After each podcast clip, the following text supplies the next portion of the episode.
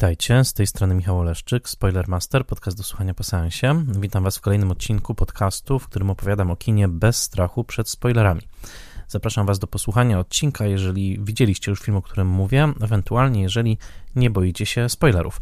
Spoilermaster jest podcastem w całości utrzymywanym przez patronki i patronów w serwisie patronite.pl.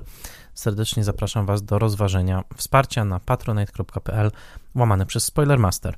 Misją Spoilermastera jest propagowanie wysokojakościowej wiedzy o kinie i Spoilermaster jest i pozostanie podcastem darmowym w szerokim dostępie. Jeżeli jednak chcecie wesprzeć moją pracę przy tym podcaście, serdecznie do tego zachęcam i dziękuję wszystkim patronkom i patronom. Szczególnie dziękuję patronkom i patronom imiennym. Michałowi Hudolińskiemu ze strony Gotam w deszczu, Dianie Dąbrowskiej z Akademii Włoskiego Kina, Agnieszce Egeman, Odiemu Hendersonowi, Beacie Hołowni, Annie Jóźwiak, Tomaszowi Kopoczyńskiemu, Justynie Koronkiewicz, Przemysławowi Bartnikowi, współautorowi podcastu James Bond Team.pl, Bartkowi Przybyszewskiemu, autorowi bloga Liczne Rany Kłute, na którym przeczytać można o kinie, komiksie, internecie i telewizji, Konradowi Słoce, Mateuszowi Stępniowi, Jerzemu Zawadzkiemu i Tomaszowi Mączce, autorom podcastu Let's Make Movies, prezentującego ciekawe analizy filmowe, blogowi Przygody Scenarzysty, prezentującego analizy scenariuszowe, a także Fundacji Wasowskich, dedykowanej ochronie spuścizny Jerzego Wasowskiego i wydającej książki Grzegorza Wasowskiego. W dzisiejszym odcinku opowiem Wam o filmie Sweat w reżyserii Magnusa von Horna. E, filmie, który obecnie jest lato 2021 roku, znajduje się na polskich ekranach. Ale zanim opowiem o tym filmie i zanim przejdziemy do dalszej części odcinka, chwila refleksji i chwila podsumowania, a także przedstawienia tego, czym będzie ten odcinek i jakie będą dalsze losy Spoilermastera. To setny odcinek podcastu. Bardzo trudno mi w to uwierzyć. Ostatnie dwa lata były czasem bardzo wytężonej pracy nad tym projektem i trudno mi po prostu w to uwierzyć, że to już setny odcinek tego podcastu. To wiele dziesiąt godzin nagrań, to setki godzin przygotowań, to pasja, to wasze wsparcie, to nieprawdopodobny respons i reakcja, z jaką spotkał się ten projekt, obecnie znajdujący się w swoim trzecim sezonie. Jakiś czas temu w serwisie Patronite ustawiłem próg wsparcia, który, kiedy zostanie osiągnięty, miał być dla mnie pomocą w poszerzeniu formuły tego podcastu. Tak się stało, że dzięki Waszemu wsparciu ten próg został przeze mnie osiągnięty. Tym samym chciałbym rozszerzyć formułę Spoilermastera i dzisiejszy odcinek jest właśnie takim poszerzeniem. Chciałbym mianowicie wprowadzić stały cykl, docelowo comiesięczny, w którym oddaję większy głos samym twórcom filmowym. To jest, to było moje marzenie od dawna, żeby zmienić się częściowo przynajmniej w rodzaj reportera, który rozmawia z ludźmi kina, którzy opowiadają o tym, w jaki sposób pracują. I niekoniecznie mają, mówiąc o ludziach kina, mam na myśli tylko i wyłącznie reżyserów, którzy mam wrażenie najczęściej wypowiadają się e, e, w mediach i najczęściej są pytani o swoje filmy. Oczywiście są oni niebywale ważni, ale chciałbym, żeby w Spoilermasterze nie tylko reżyserzy e, zaistnieli, ale także, aby zaistniały w tym podcaście inne zawody filmowe. Z zawodów filmowych jest bardzo dużo. Wystarczy mm, zostać na napisach końcowych po pokazie filmowym w kinie, albo nie przeskakiwać napisów końcowych na mm, platformach streamingowych, żeby przekonać się, jak wiele ludzi pracuje przy filmie. I tutaj także taka osobista refleksja, że przez ostatnich parę lat, kiedy pracowałem jako mm, programer festiwalowy, także dyrektor Polskiego Festiwalu Filmów Fabularnych w Gdyni, kiedy współpracowałem z innymi imprezami poświęconymi kinu, cały czas poznawałem ludzi kina. I cały czas poznawałem ludzi, którzy angażują się całym, całymi sobą w rozmaite zawody, od montażystów po dźwiękowców, od reżyserów obsady po scenografów, e, od kostiumografów po konsultantów muzycznych, od scenarzystów po oświetleniowców. I wszyscy ci ludzie zawsze mi bardzo imponowali. Przede wszystkim pewną odwagą tego, że postawili właśnie na rozwijanie swojej pasji w tej trudnej branży, jaką jest branża filmowa, a dwa, ogromną wyobraźnią i tym, że w każdy projekt wchodzą na 100%, dając siebie wszystko. Później, kiedy zacząłem także częściej pracować jako konsultant scenariuszowy, e, kierownik literacki przy projektach filmowych, e, poznawałem dalszych ludzi i widziałem tą niesamowitą alchemię, jaka powstaje, kiedy kilkoro ludzi reprezentujących bardzo różne zawody filmowe e, pracuje przy jednym projekcie i wkłada weń całe serce i oczywiście cały swój talent, całą swoją wiedzę. Film jest pod tym względem sztuką zespołową, że każdy członek zespołu wnosi coś bardzo wyjątkowego. Oczywiście nadal zgadzam się z tym, że rola reżysera jest kluczowa, jeżeli chodzi o selekcję, o wybór, o nadanie kierunku. Dosłownie lubię angielskie słowo director, dlatego że ono wskazuje na to, że właśnie o kierunek chodzi, o nadanie kierunku. Tak samo ważna rola producenta, producenta kreatywnego, wszystkich tych ludzi, którzy tworzą film, że nie wspomnę o roli scenarzysty, od którego najczęściej opowieść się w ogóle zaczyna. I pomyślałem sobie, że Spoilermaster może być taką platformą, na której oddam sprawiedliwość ludziom, tym ludziom, e, na której także pozwolę Wam, jako moim słuchaczkom, słuchaczom, usłyszeć ich głosy, bo nie zawsze te głosy słyszymy. E, często są one rozproszone, jeżeli w ogóle są obecne w przestrzeni medialnej. Dlatego właśnie ten podcast y, docelowo chciałbym, żeby było tak raz w miesiącu. Będę pracował w tę stronę. Będzie także opowieścią o kinie snutą nie tylko moim głosem. Mojego głosu nasłuchaliście się przez te ponad dwa lata, y, a i oczywiście nadal będę tutaj głównym opowiadaczem, e, ale jednak chciałbym, żeby także pojawiły się tutaj głosy inne. I dzisiejszy odcinek jest właśnie takim eksperymentem. Oczywiście miewałem już wspaniałych gości, ale ten odcinek jest wyjątkowy, bo aż czwórka współpracowników, czwórka artystów pracujących przy filmie Sweat Magnusa von Horna dzisiaj opowie nam o swojej pracy. A zatem porozmawiamy ze scenarzystą filmu i reżyserem w jednej osobie, Magnusem von Hornem. Porozmawiam także ze scenografką tego filmu, Jagną Dobesz, która zajmowała się także dekoracją wnętrz. Porozmawiam z Małgorzatą Fudalą, kostiumografką tego filmu i z Michałem Dymkiem, autorem zdjęć i operatorem kamery w filmie Sweat.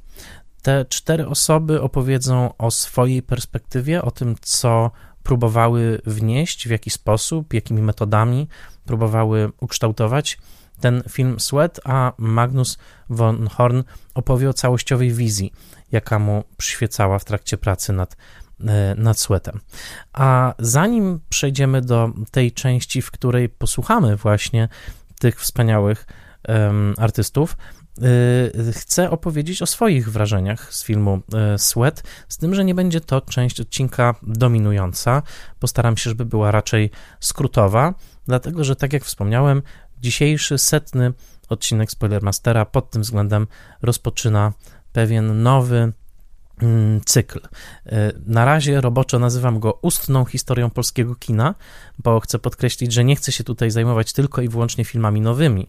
Wręcz przeciwnie, wolałbym zajmować się głównie filmami, które już mają swoje lata, także ze względu na to, że wielu starszych twórców powoli od nas odchodzi i czasami ich głosy pozostają niezarejestrowane albo e, zarejestrowane w niewystarczającym stopniu. A zatem będę tutaj także starał się być takim reporterem archiwistą, który od czasu do czasu będzie Wam oferował opowieści o filmach starszych, ale właśnie opowieści snute głosami ludźmi, ludzi, którzy e, przy tych filmach e, pracowali. Ale od czasu do czasu także chciałbym opowiadać o filmach nowych. I to jest ten przypadek filmu Sweat. I dlaczego go wybrałem? Dlatego, że jest to rzadki dla mnie przykład polskiego filmu całkowicie spełnionego. Wydaje mi się, że jest to rzeczywiście znakomity film, e, który dowiódł już swojej rangi światowej, uczestnicząc co prawda w pandemicznej edycji, ale jednak festiwalu w Cannes. Tak się składa, że moment, w którym nagrywam ten odcinek jest także momentem, kiedy Sweat miał swoją premierę amerykańską, znakomite recenzje, między innymi na e, portalu rogerebert.com, ale także w Variety i w wielu innych pismach. Wszystkie podkreślają, że oto Magnus von Horn nakręcił faktycznie dzieło e, pierwszorzędne. Wszyscy chwalą także mm, rolę Magdaleny Koleśnik. E, to bardzo mm, znakomity, znakomita e, rola, o której także mm, powiem za chwilkę więcej, ale chwalone są także inne aspekty tego, tego filmu i oczywiście o nich także o nich także postaram się powiedzieć. Natomiast y, bardzo takim istotnym elementem tego filmu jest w moim przekonaniu fakt, że jest on strukturalnie rzecz biorąc, bo zawsze interesuje mnie bardzo ten aspekt scenariuszowy, y, aspekt opowieści, tego jak, w jaki sposób ona jest ustrukturowana, że mamy tutaj do czynienia z thrillerem. Pod względem struktury jest to zdecydowanie thriller, o czym chciałbym także wspomnieć i powiedzieć o takich śladach właśnie konstrukcji thrillerowej w filmie e, Sweat. Magnus von Horn jest e, Szwedem urodzonym w roku 1983 w Göteborgu, ale wykształcił się filmowo w Łodzi, w łódzkiej szkole filmowej. W 2006 roku nakręcił pierwszą etiudę, to była etiuda dokumentalna pod tytułem Radek, w której śledził e, e, mężczyznę, który wyszedł z więzienia i który próbował e, jakby uczyć się panować nad swoją agresją. W późniejszych filmach, także krótkich, takich jak Echo z roku 2009 czy Bez śniegu z 2011, nagrodzonym m.in. na festiwalu w Gdyni, widać było, że Magnus von Horn jest bardzo zainteresowany kwestią mm, takiego mm, odchylenia zwykłej osoby od normy, to znaczy zwykła osoba, która robi coś szokującego, także dla niej samej, coś, co przekracza jakąś zasadę, jakąś społeczną normę i ta jednostka musi się jakoś zmierzyć z konsekwencjami tego faktu. Zdecydowanie to mierzenie się z konsekwencjami własnych czynów jest czymś, co łączy film Radek, jest czymś, co właśnie łączy film pod tytułem Echo, e, gdzie bohaterowie ponownie niejako muszą e, odegrać straszny czyn, którego e, dokonali w przeszłości. Dotyczy także to filmu mm, Bez śniegu, w którym to z kolei mm, ojciec chłopca doświadczającego przemocy dopuszcza się sam pewnej przemocy, a zdecydowanie dotyczy to filmu Intrus z roku 2015, nagrodzonego w Gdyni, e, filmu szwedzkojęzycznego, zrealizowanego w Szwecji w koprodukcji z Polską. E, w Intruzie, pokazywanym mm, na festiwalu w Cannes, całość rozgrywa się wokół kwestii tego, czy właśnie jednostka, która dopuściła się przemocy w przeszłości, może powrócić do społeczności, czy ta społeczność otworzy się na nią, czy też E, raz dokonane zło już absolutnie zawsze e, będzie z tą osobą i sumienie, mm, podobnie zresztą jak społeczność, nie, da, nie dadzą e, takiej osobie spokoju. I w przypadku filmu Sweat ten temat jest także obecny, dlatego że w centrum filmu Sweat mamy postać Sylwii, zagranej właśnie przez Magdalenę Koleśnik, która od rana do wieczora nadaje swoje obrazy, swoje wideo, streamuje swoje życie przez internet. I ten film także stawia takie pytanie o to, czy to ciągłe pozostawianie za sobą tego internetowego śladu, owych selfie, owych wideo, owych materiałów, czy, czy, czy pozostawianie tych setek, dziesiątek godzin e, swojego własnego obrazu, e, swojego własnego odbicia, czy też nie kumuluje pewnej konsekwencji. Czy jak, jaka jest konsekwencja właśnie tego, że e, Sylwia w ten sposób udostępnia się światu? No, konsekwencje tutaj okazują się różne. Po pierwsze, mm, większość obserwatorów Sylwii ma o niej fałszywe wyobrażenie, fałszywe, bo nazbyt pozytywne. Po drugie, E, co najmniej jeden z tych obserwatorów okazuje się stalkerem, który zaczyna ją prześladować i nagabywać seksualnie, chociaż także film sugeruje, że ten mężczyzna jest na swój sposób samotnym i nieszczęśliwym człowiekiem, a także ten jej sukces instagramowy i to właśnie, że tak bardzo udostępnia sama siebie światu, wcale nie e, neguje faktu, iż w swojej własnej rodzinie jest cały czas wyalienowana. Wyraźnie film sugeruje e, pewną oziębłość ze strony matki, świetnie zagranej przez Aleksandrę, e, Aleksandrę Konieczną. I film Sweat jest portretem Sylwii. Skupia się na niej, jest ona obecna w każdej scenie.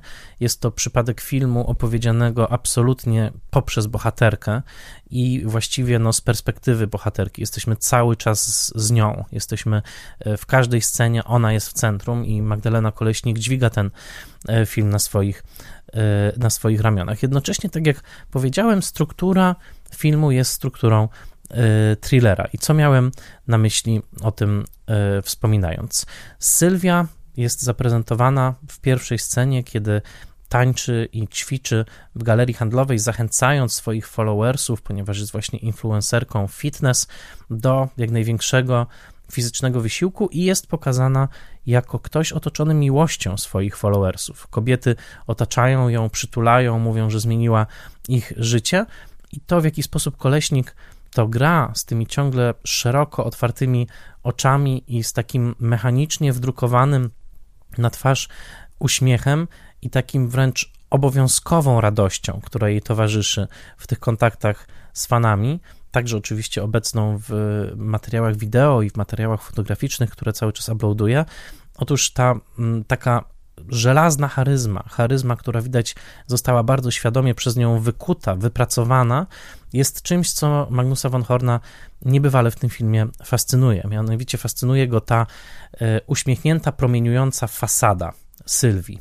I cały film jest próbą zajrzenia za tą fasadę, zajrzenia, co tam się dzieje właśnie za tą błyszczącą, e, za tą błyszczącą powierzchnią. Innymi słowy, film jest takim aktem empatii w stosunku do osoby, która zbudowała bardzo wyrazisty, e, e, bardzo wyrazisty mur e, wokół siebie. I thriller dlaczego? No, przede wszystkim poprzez powolne niszczenie tego świata, poprzez powolne sugerowanie, że ten świat, w którym przebywa bohaterka, nie jest tak bezpieczny, jakby się jej wydawało. To jest typowy thrillerowy trop, mianowicie ukazanie bohatera, który wydaje się w swoim świecie bardzo wygodnie zadomowiony i który nagle doświadcza pęknięć tego świata. Doświadcza tych pęknięć w postaci przemocy, w postaci spisku często, w postaci nagłego wejścia w ten świat osoby, która burzy porządek, osoby, która jest pewnym agentem chaosu. Jeżeli spojrzymy na klasyczne thrillery w kinie światowym pod względem strukturalnym, takim klasycznym thrillerem jest Fatalne Zauroczenie e, Adriana Lajna. W polskim kinie najlepszym thrillerem jest zdecydowanie Dług Krzysztofa Krauzego. To te filmy zawsze w swoich pierwszych minutach pokazują bohatera, bohaterkę, którzy znakomicie funkcjonują w swojej rzeczywistości. To jest przy, przykład biznesmena i szczęśliwego ojca rodziny Michaela Douglasa w filmie e, Fatalne Zauroczenie. To jest przykład właśnie dobrze funkcjonujących biznesmenów w długu. To jest także przykład Sylwii w filmie Sweat. Wszystko wydaje się ok na początku. Ona ma świat pod kontrolą, jej świat jest uporządkowany, jej świat jest jej e, e, własnym tworem, można powiedzieć. Ukształtowała go tak, jak sobie życzyła. Ale właśnie jak w thrillerze zaczynają się pojawiać elementy zwiastujące pewien chaos i zwiastujące zniszczenie tego świata, w każdym razie duże zagrożenie dla poczucia bezpieczeństwa bohaterki. I tutaj te pęknięcia pojawiają się bardzo powoli. Z jednym pęknięciem jest wideo, które ona sama wypuściła, w którym mówi o swojej ogromnej samotności. Wideo, które zaczyna niepokoić sponsorów. E, bohaterki, a zatem sponsorzy być może wycofają swoje wsparcie, jeżeli bohaterka będzie nazbyt szczera emocjonalnie w swoich e, w swoich nagraniach.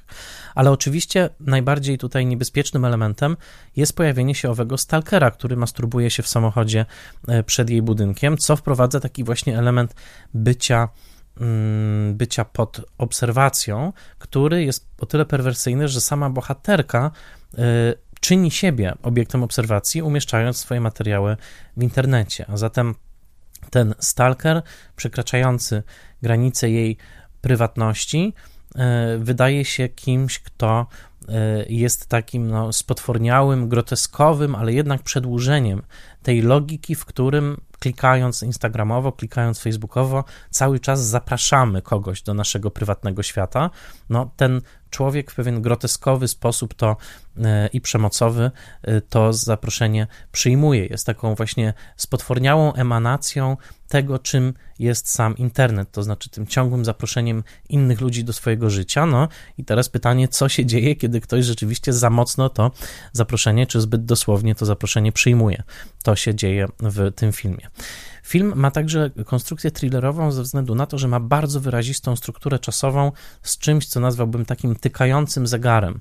Mianowicie cały film jest ustrukturowany w trzy dni z życia bohaterki i już na samym początku wiemy jest wyraziście wprowadzony element oczekiwania na występ telewizyjny, na występ w śniadaniówce, dokładnie w Dzień Dobry TVN, które zostaje tu pokazane jakby w pełni e, e, takiej właśnie realistycznej, nawet poprzez osoby prowadzące, e, także to dodatkowy taki plus za realizm w tym filmie. Otóż my wiemy, że ten występ w śniadaniówce jest pod znakiem zapytania, nie wiemy, czy Sylwia faktycznie ten występ dostanie, czy nie. Później okazuje się, że jednak tak.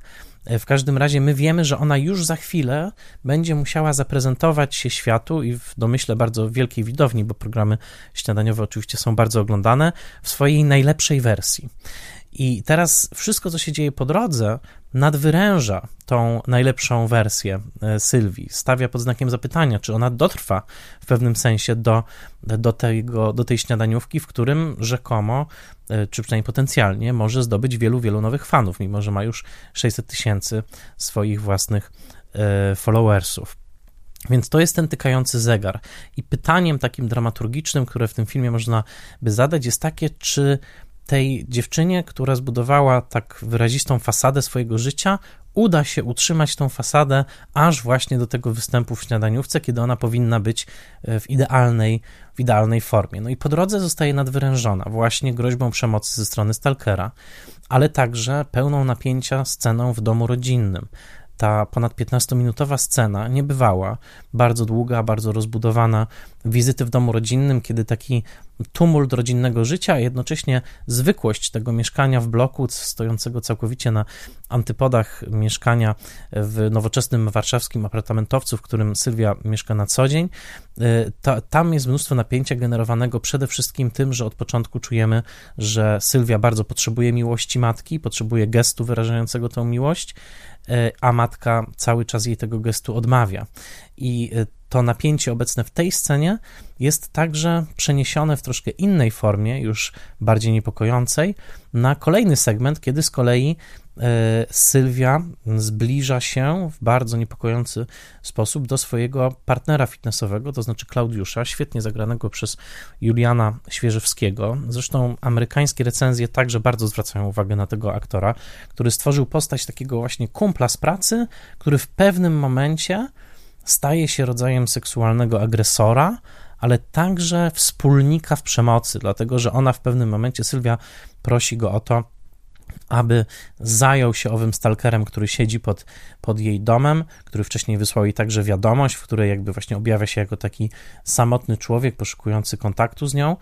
Y, I faktycznie Klaudiusz bardzo y, mocno go E, e, kiereszuje, jest bardzo ciężko pobity, ów stalker i e, ten moment, w którym z kolei on domaga się pewnej właśnie seksualnej zapłaty za to, bardzo dosłowny, bardzo mocny moment, jest takim momentem, w którym rzeczywiście to kolejne mocne wstrząśnięcie światem, światem Sylwii, które stanowi taką grotesk, które stanowi takie groteskowe odbicie wcześniejszego spotkania z koleżanką szkolną, która z kolei oferuje Sylwii taką bezwarunkową admirację, bezwarunkowy podziw, jednocześnie dzieląc się swoim własnym traumatycznym doświadczeniem, e, czego Sylwia nie potrafi zrobić. To znaczy, nie potrafi jej odpowiedzieć tym samym, chociaż wówczas już po raz pierwszy zaczyna się także pękanie owej fasady Sylwii, ponieważ Sylwia mówi wprost, że czuje się bardzo samotna i że tak naprawdę nie wie, czy ma kogokolwiek w swoim życiu e,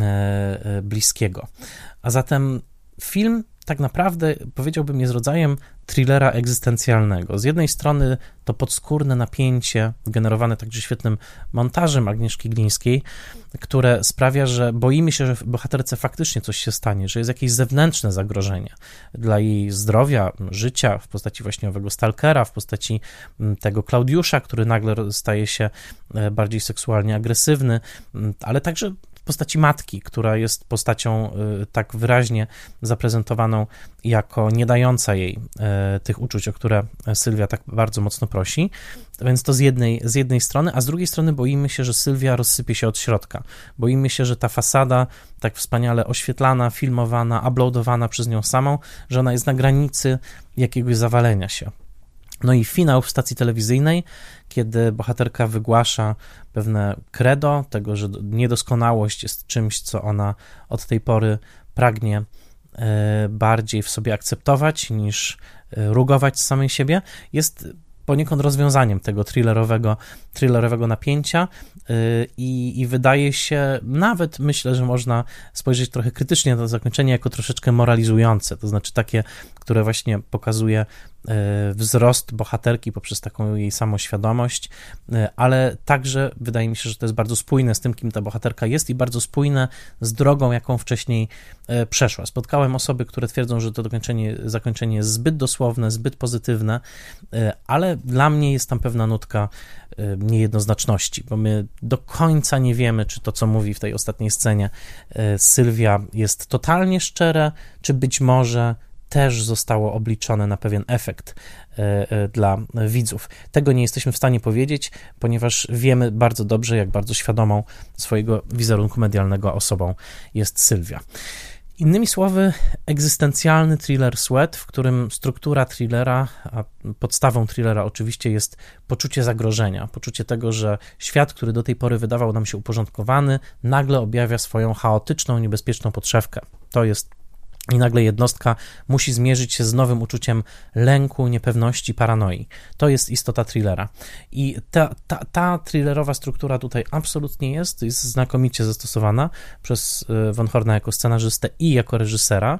E, tutaj są nawet pewne momenty, które sugerują taką odmianę thrillera, w której e, arcydzieło nakręcił Michael Haneke w filmie Ukryte, ale o tym porozmawiamy już z samymi twórcami, e, o takich ujęciach, które sugerują właśnie, że bohaterka jest obserwowana. Natomiast do tego wszystkiego, i to, za to także ten film chcę bardzo pochwalić, zanim już przejdę do rozmowy z twórcami, mamy do czynienia z filmem, który znakomicie wygląda, ale co rozumiem przez znakomicie, który świetnie oddaje faktury, e, światła e, polskiego, polskiej rzeczywistości. Rzeczywiście ta Warszawa, która tu jest ukazana, ale mm, także ta różnorodność klasowa, właśnie z jednej strony to mieszkanie rodziców, e, z drugiej strony ten apartamentowiec, z trzeciej strony galeria handlowa, w której występuje, mm, występuje Sylwia, to wszystko jest niesamowicie rozpoznawalne jako dziejące się tutaj i teraz.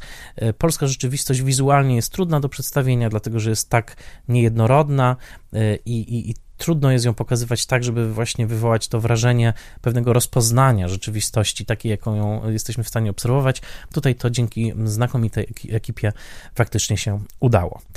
No cóż, ale posłuchajmy twórców, posłuchajmy tego, w jaki sposób ta opowieść, to co nazwałem właśnie egzystencjalnym thrillerem ze znakomitą rolą Magdaleny Koleśnik, takim thrillerem, który jednocześnie pyta o tożsamość, kim jest Sylwia, kiedy wyłącza kamerę i e, w jaki sposób włączenie kamery determinuje jej obraz samej siebie.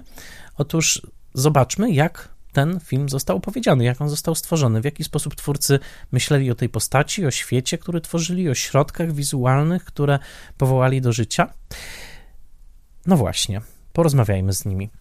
Kolejność e, gości będzie następująca. Najpierw posłuchamy reżysera Magnusa von Horna, następnie scenografki i dekoratorki wnętrz Jagny Dobesz, następnie Małgorzaty Fudali, e, czyli e, kostiumografki i potem gościem będzie operator e, i autor zdjęć Michał Dymek. A zatem posłuchajmy najpierw Magnusa von Horna. Cześć, cześć. Witaj, bardzo serdecznie Ci jeszcze raz gratuluję filmu, który obejrzałem dwa razy i który uważam za naprawdę znakomity film, bardzo poruszający. I chciałbym Cię troszeczkę zapytać o pracę nad nim, o, na, jak, jak, jak ten projekt się rozwijał, ale przede wszystkim chciałbym Cię najpierw zapytać o bohaterkę, to znaczy o Sylwię Zając, która w pewien sposób skojarzyła mi się z bohaterem Twojego filmu Intrus, E, wcześniejszego. To znaczy, to są filmy o ludziach strasznie samotnych, takich całkowicie odgrodzonych od, od świata, bardzo, bardzo mm, osamotnionych. I chciałbym Cię zapytać, w jaki sposób w ogóle zacząłeś mm, budować postać, postać Sylwii? Czy zaczęło się od Instagrama, czy zaczęło się od emocji jakiejś, którą chciałeś w tej postaci zawrzeć? Kiedy Sylwia się pojawiła w Twoim życiu jako postać? Tak nigdy nie jest, że, że myślę o znaczy mówię, że to są bardzo jakby takie samotne, samotne postaci, ale mm, na początku jakby mojej pracy to nigdy tak o nich nie myślę e, tak naprawdę. I Sylwia wręcz chyba była, czy Słecała była jakaś reakcja na, na intruzie. E, na początku chciałem robić coś kompletnie innego. E, i to była jakaś moja reakcja, żeby robić coś kompletnie innego. Ja chciałem się oddalać od intrusa, e, ale zgadzam się, że w końcu chyba wyszło film gdzieś, moim też bardzo podobny. E, więc próbując jakoś uciekać, wracam do, do tego samego. E, ale to dla mnie jest wręcz, jakby cieszę się z tego powodu. Na początku e, był Instagram i był e, mm, e, jakieś sam siedziałem dużo, no może nawet nie był Instagram, był Snapchat na początku. I siedziałem dużo na Snapchacie w momencie, kiedy próbowałem, znaczy uciekałem do Snapchata, kiedy próbowałem wymyślić jakieś szlachetne pomysły na, na nowy film pełnometrażowego. I siedziałem więcej na Snapchacie niż mm, na pisaniu.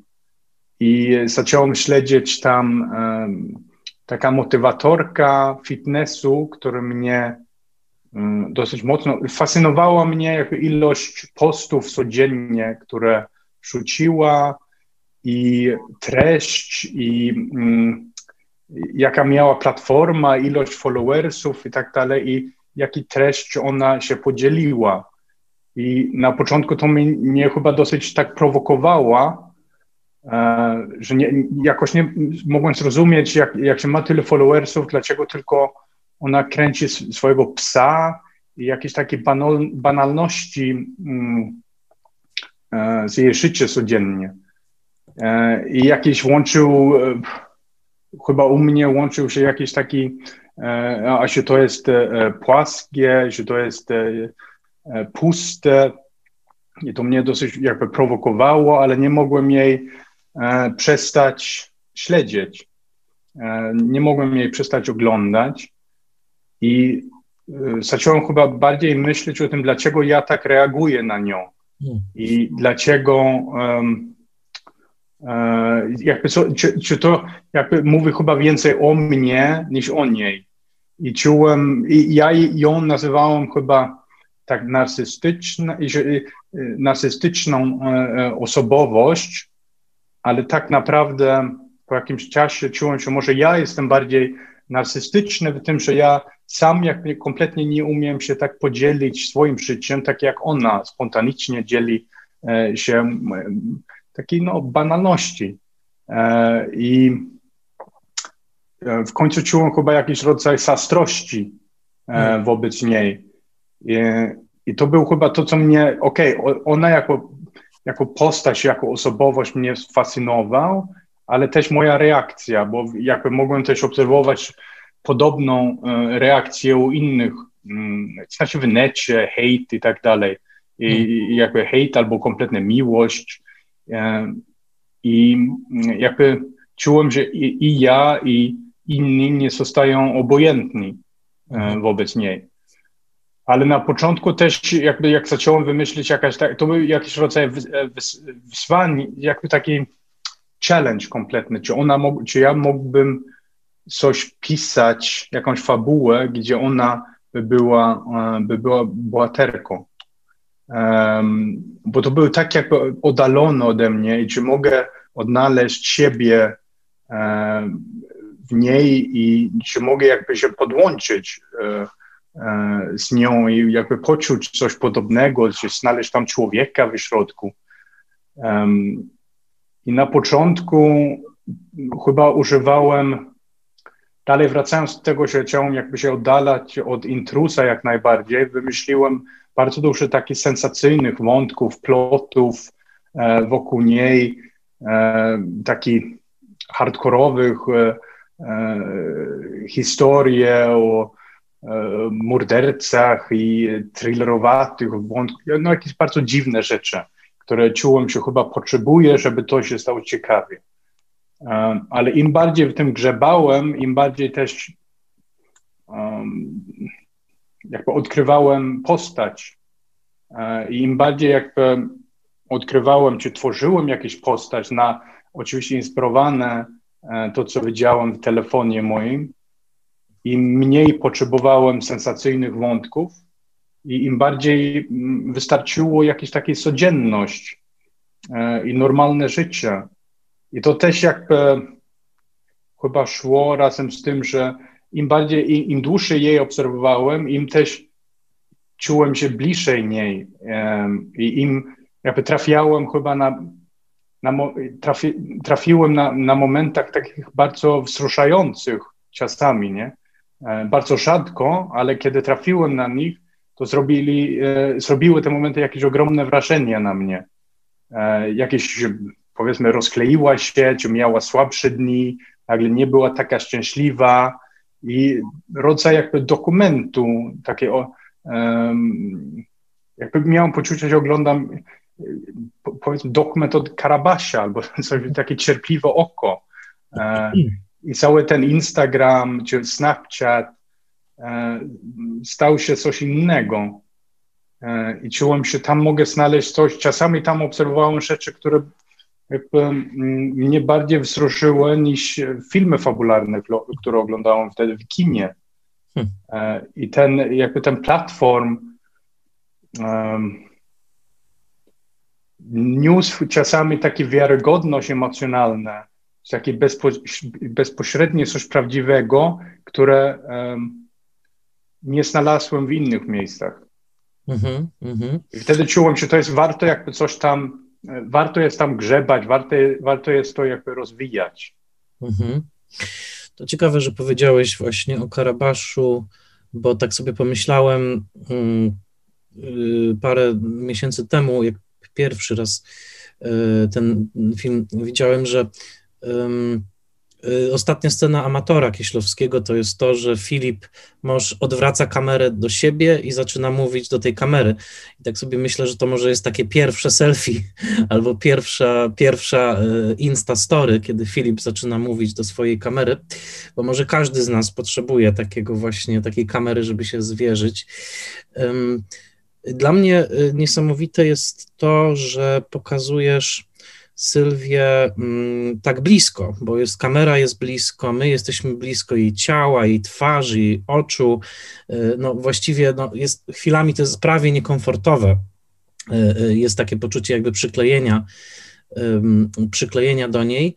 I chciałem Cię właśnie zapytać o ten styl wizualny, o ten wybór, że po prostu kiedy ona ćwiczy, to my jesteśmy tak blisko właśnie jej ciała, kiedy na początku daje ten show, to też właściwie nie ma takich ujęć z daleka, żeby się przyjrzeć dokładniej tej choreografii. Po prostu razem z nią padamy na tą matę.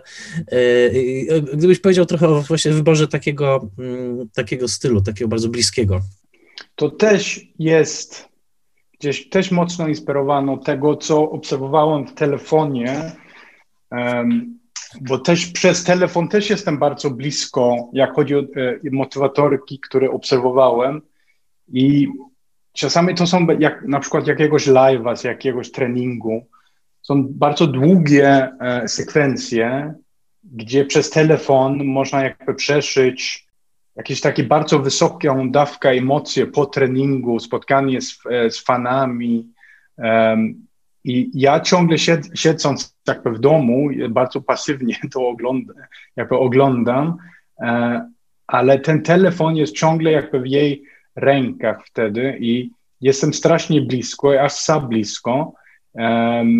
I nie wiem, dla mnie to działało mocno jak jakiś rodzaj kontrastu, że ja siedzę w moim domu bardzo spokojnie, e, jak tylko z moim telefonem, z małym ekranem, z małym ekranem i oglądam jakieś wariactwo. I nigdy nie jestem dłuższej od e, jakby, no od, powiedzmy metra, nie? Czy telefon się trzyma w ręku, e, nie mówię, tutaj jakby nie, nie używając selfie sticka albo nic takiego, to ciągle jestem w środku jakiejś burzy. I mnie to, ale tutaj też kompletnie wracając do, do intrusa i to, co jakaś tam praca kamery, które miałem wtedy, bo wracając do tego um, jakąś poczucia czy chęć, które miał jakby robić coś innego, w intrusie to kamera był bardzo tak dystansowana i nazwałem tą kamerę, taka kamera kot, kot, który siedzi, obserwuje, kot w, w, w oknie, na parapecie siedzi i ogląda jakąś scenę rodzinną i się nie e, jakby dołącza do dramatu, który tam tylko uchodnie obserwuje. A tutaj wręcz przeciwnie czułem, że to jest e, jakiś labrador, jakiś pies taki, który hmm. bardzo angażuje się i skacze razem z dramatem i wręcz jak, tak jak labrador, nie? E, podchodzi za blisko, e, nie odczuwa jakby granice, lisa twarz, brudne łapy, jest jakaś radość niekontrolowana, więc nazwaliśmy razem z Michałem Dymkiem ten, tą kamerę jakby kamera pies, który zawsze jak, będzie jakby wierny, mm. wierną bohater, bohaterki. ale z drugiej strony też jest jakieś, to co czuję, co jest cały ten um, jakby Instagram, follow, obserwowanie, um, jest jakiś, przynajmniej u mnie, jakaś chęć podłączyć się, czy kontaktować się z drugim człowiekiem, jakaś chęć wejścia w drugim, e, jakby wejścia do środka kogoś. I to jest też to, co jakby się sprzeda, to, co jakby e, działa e, w social mediach.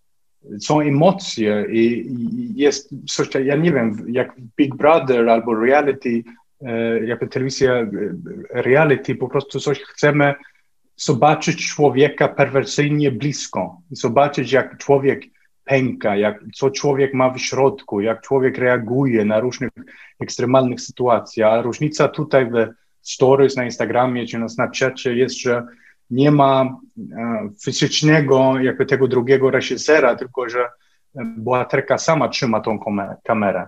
Ale mhm. oczywiście to, co ona pokazuje, jest gdzieś porządzane tego, co się powiedzmy sprzeda, albo to, e, czego się lubi oglądać. I mm, mi się wydaje, że to, co lubimy oglądać, jest jakieś coś, co jest trochę za blisko. I jak pokazujemy trochę za dużo, i emocjonalnie, i fizycznie, i wiesz, codzienność, e, no i, i tak dalej. Więc właśnie dlatego ta kamera musiała jakby próbować wejść do drugiego człowieka. Mm -hmm. Podoba mi się to porównanie właśnie kamery kot, y, y, y, kamery Labradora, ale i, i to rzeczywiście, jak tak teraz myślę, to, to intrus był zdominowany właśnie przez, przez tego kota, chociaż też dostrzegam takie malutkie pozostałości tego kota w, w słecie, bo na, na, przykład to niesamowite, świetne ujęcie, kiedy ona wchodzi te pięć pięter do góry i my jesteśmy bardzo powoli, e, e, ta, ta kamera się unosi razem, razem z nią i widzimy ją z daleka e, to jest dla mnie takie ujęcie właśnie bardziej kocie. Gdzie, gdzie... Tak, tak, kocie, ale też, bo tutaj są inne elementy jak stalking, nie? Mhm. I, I czasami też mieć poczucie, że pod, e, podglądactwo z daleka, e, jakby ona nieświadoma tego do końca. Mhm. E, I więc bawiliśmy się tym też, jakby w różnych momentach. Ale też chcieliśmy tak czasami nawet mieć, jak byliśmy bardzo blisko, że to jest prawie jakby bohaterka odczuwa naszą, naszą obecnością. Mhm. Okej, okay, tak bardzo konkretnie mówiąc, e, jesteśmy jak stalkerzy. Mhm. No właśnie, i ten stalker to jest taka, mm, jakby ten element, który, jak rozumiem, no, on przeniknął z tych thrillerowych pomysłów, bo to jest thrillerowy pomysł. E, widzimy Kompletnie.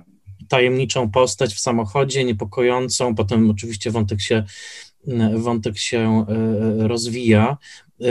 Powiedz mi, czy właśnie myślałeś trochę, robiąc ten film, montując go, pracując nad dźwiękiem, troszeczkę właśnie, zwłaszcza w tych pierwszych partiach, jako o thrillerze, bo dla mnie ta, na przykład ten moment, kiedy ona ogląda samą siebie, y, to wideo, kiedy płacze, a w tle ta, ta cholerna sokowirówka cały czas jakby uderza i jest tam coś takiego niepokojącego, że ja się cały czas boję, że coś się jej stanie. Czy, czy chciałeś tak trochę widza zaniepokoić też w tych pierwszych właśnie y, aktach y, historii? Mm, tak. Zawsze mnie ciekawi, jakby to, co gdzieś później będzie we filmie, są zawsze gdzieś jakieś ślady tego na początku też, bo to nie jest przypadek, że tak film się rozwija, jakby te emocje gdzieś tam są na początku też, e, więc jakby, ale to akurat ten e, blender e, wyszło kompletnie jakby z prób, które e, z Magdą Koleśnik robiliśmy, akurat próbowaliśmy tej sceny o, o, o e, jakby w jej mieszkaniu kiedyś i, i używali, jakby kręciliśmy to e, z Michałem Dymkiem i Magda to zagrała i robiliśmy to bardzo tak dokumentalnie e, i ona miała blender, który używała robiąc tego szejka i wtedy to szło w tle, więc to był, ale to hmm. tak jakoś dało, zrobiło, cała scena się zrobiło dzięki temu blenderowi ten dźwięk, który jakby przeszkadza wysłuchaniu, e, daje, jakby tworzył dokładnie taki efekt, e, który opisywałeś. I to, um, więc używaliśmy to we filmie też, chcieliśmy to używać. Tak, to jest fajne, że on właśnie ustaje i znowu się powtarza, taki rytm się dziwny tworzy. E, w intruzie, nie, nie, nie, już nie, nie będę porównywał, nie o to mi chodzi, żeby porównywać te dwa filmy, tylko bardziej chcę zwrócić uwagę na coś bardzo, bardzo fajnego, uważam, coś, co, co zrobiłeś w Sweat, bo jednak w intruzie się poruszałeś w takim bardzo spójnym świecie, to znaczy e, tej, tej, tej szwedzkiej prowincji, no, w której powiedzmy wszystkie domy wyglądają mniej więcej tak samo. Natomiast w tej, w tej Polsce pokazałeś niesamowity kontrast, tak? To znaczy są, jest ten budynek, w którym mieszka właśnie Sylwia i to jest ten apartamentowiec po prostu ze szkła i, i chromu i jest taki, taki właśnie wybudowany, nie wiem, trzy lata temu i z drugiej strony mamy ten totalnie inny świat blokowiska, tej boazerii na ścianach. Oczywiście mówię o domu matki. E, I, i, I, to mnie zafascynowało, że pokazałeś tą bohaterkę, ona żyje w zupełnie różnych rzeczywistościach i ona się też zmienia trochę w zależności od tego, w której rzeczywistości jest. E, czy, czy o tym aspekcie możesz coś powiedzieć? Właśnie o tej takiej bohaterce, która chodzi między, między światami, czy tak trochę o, ty, o tym myślałeś? Ale e, chyba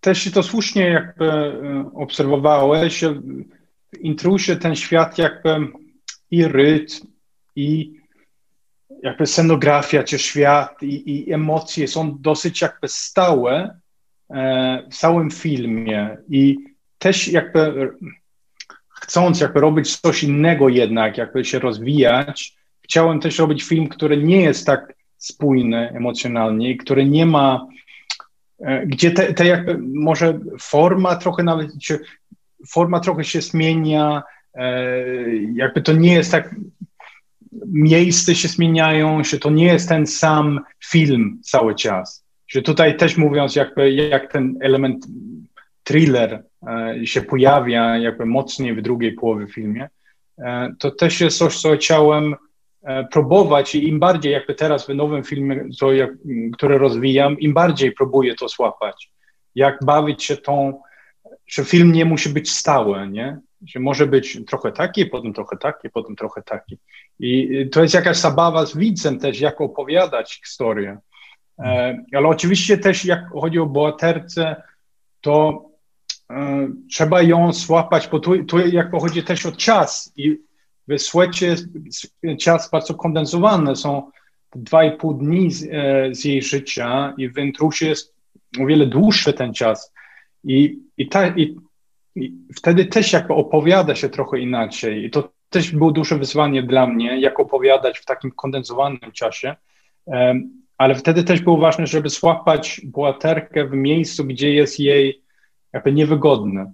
E, I u, jej, u, u niej matki, e, jakby miejscu urodzenia, powiedzmy, e, jest jej niewygodnie, bo tam nie jest um, Sylwia Sając z Instagramu, nie? Tam jest jakby tylko córką. Um, I też o to chodziło, obserwować bohaterkę w różnych e, e, miejscach. Mhm. E, więc jakby powrót do matki i rodziny jak najbardziej ją jakby jest też po to, żeby ją zobaczyć z różnych stron. I oczywiście ona mm, nie podchodzi z miejsca jak, jakby z takiego e, samego apartamentowca, w którym teraz mieszka. Mm-hmm. I to jakby okej, okay, to są jakby różne powody, dlaczego, dlatego właśnie tak jest, ale to jest też um, miejsce, jakby tam, gdzie y, jej matka mieszka, to jest miejsce, które jest mi blisko, które ja miałem szansę jakby obserwować e, dużo w Polsce. Mm-hmm. E, I cała ta sekwencja jest e, jakby coś, co ja jakby miałem okazję obserwować wiele razy mieszkając w Polsce. Mhm. I cała jakby strona bycia influencerką, to nie miałem okazji to tak blisko obserwować. Obserwowałem przez telefon. Raz spotkałem się z jakąś influencerką, żeby jakby dostać jakiś taki, robić jakiś research, ale cały ten świat jest bardziej tworzony, no, to co widzę w telefonie i potem używając wyobrażenia, żeby sam jakby tworzyć jakiś wiarygodny dla mnie świat, co jest jakby co, co jest pomiędzy jej postami. Mm-hmm, um, ale też nigdy nie, i, i, to też mi się podoba jakby taka praca, która nie jest um, praca powiedzmy dokumentalista, czy um, nie jest praca, która polega na tym, że ja muszę wychodzić do tego świata i poznać ten świat kompletnie e, e, na żywo. Lubię bardzo tą pracę, wierzę w to, że ja mogę siedząc w domu używając moją wyobrażenie, podłączyć się do innych ludzi, bo jesteśmy gdzieś tacy sami. Mhm. E, więc to wszystko jakoś wraca do, e, jakby do mnie i czuję się w końcu, jakby ja jestem nią. I to, co jedyne, co jest ważne, jest, żeby złapać tą um, jakaś emocjonalność, która jest wiarygodna. Mhm. Um, nie wiem, czy to jakoś jasno tłumaczę, ale jakby okrywają, jakby tworząc Sylwię, e, w gruncie rzeczy to, co jest najważniejsze dla mnie, jest, żebym odnalazł siebie w niej. Mm-hmm, mm-hmm. No, dla mnie w Sylwii, w tym filmie też najboleśniejszy moment, naj, naj, najtrudniejszy, to jest scena z matką. To znaczy, to jest ten moment, kiedy ona chce usłyszeć od matki kocham cię, y, wręcz o to prosi w pewnym momencie. Matka mówi, siadaj dziecko, nałożę ci jedzenie. Tak, to jest ten moment, który naprawdę bardzo, bardzo jest bolesny. I tutaj twoje, moje pytanie z kolei o reżyserię aktorek w tej scenie, chodzi mi o Magdę Koleśnik i o Aleksandrę mm, Konieczną, to znaczy jak e, z nimi pracowałeś, ale konkretnie właśnie jako z aktorkami, które miały zagrać matkę i córkę w tej jedynej scenie z matką, bo to jest długa, długa scena, ale to jest jedyna scena z matką. Więc jak z nimi pracowałeś, żeby właśnie, żebyśmy zobaczyli na ekranie to, co pokazałeś, czyli dziewczynę, która strasznie chce tego, żeby ją przytulono i matkę, która robi wszystko, żeby się nie spotkać ze swoją córką. No, z, z, Magdą pracowaliśmy razem bardzo długo, przez półtora roku tak naprawdę, przygotowując się do tego filmu. Z Olą pracowaliśmy razem może cztery dni. I ten kontrast też jakby działa, bo skoro i wierzę w to, już jakby spotkałem się z tym wiele razy wcześniej też, jakby bliską współpracę z Magdą e, i że ona tak dobrze zna swój postać i cały ten świat, wtedy można jakby obsadzić inne aktorzy, które nie, zna, nie znają ten świat tak dobrze jak Magda, ale oni reagują na nią i jakoś nawet odczuwają tą energię, którą ona przy, e, przynosi. E, I skoro jako Ola i cała reszta tam obsady to są świetne aktorzy, wiedzą dokładnie jak zagrać um, i czego szukać, no to trzeba im, um, znaczy ja, ja tak zrobiłem, że oni muszą mieć taką wolność kompletną.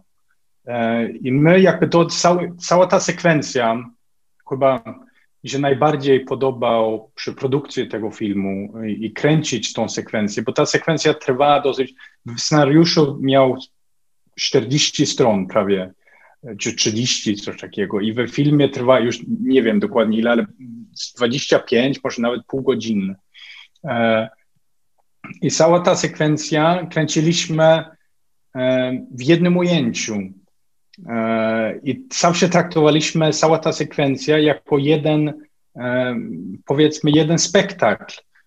Więc mieliśmy jedną próbą czytaną, gdzie od razu czuć, słapią jak super jakiś flow i Potem w ogóle nie chciałem męczyć ten materiał, więc czytaliśmy to raz, to trwało to spotkanie jakoś godzinę może i potem e, mieliśmy przerwę, potem spotkaliśmy się na miejscu na Widzewie w Łodzi, e, w mieszkaniu, gdzie mieliśmy to kręcić. Robiliśmy jedną próbę, e, no, próba z kamerą, e, gdzie też widać no, może próbowaliśmy to, cała ta sekwencja raz albo dwa razy i też widać, oni super dają radę w tej wolności. I potem jak kręciliśmy, to tworzyliśmy sobie takie miejsce, e, gdzie kamera mógł patrzeć jak 360 stopni, nie było światło w środku mieszkania. E, i wszyscy musieli po prostu, i, i jakby cała, cała ekipa siedziała e, piętro niżej. I zaczynaliśmy na zewnątrz w samochodzie z Sylwią. I ona idzie do matki, my idziemy za nią jakby z kamerą do mieszkania, wchodzimy do środka, tam są aktorzy, już czekają i zaczynają grać, potem przyjdzie reszta rodziny, my cały czas, cały czas kręcimy, aż do, do końca karty, to trwa 40 minut, wtedy trzeba jakby robić przerwa techniczna, gdzie wszyscy tak robią freeze i potem zaczynają znowu grać, jak zmienimy kartę.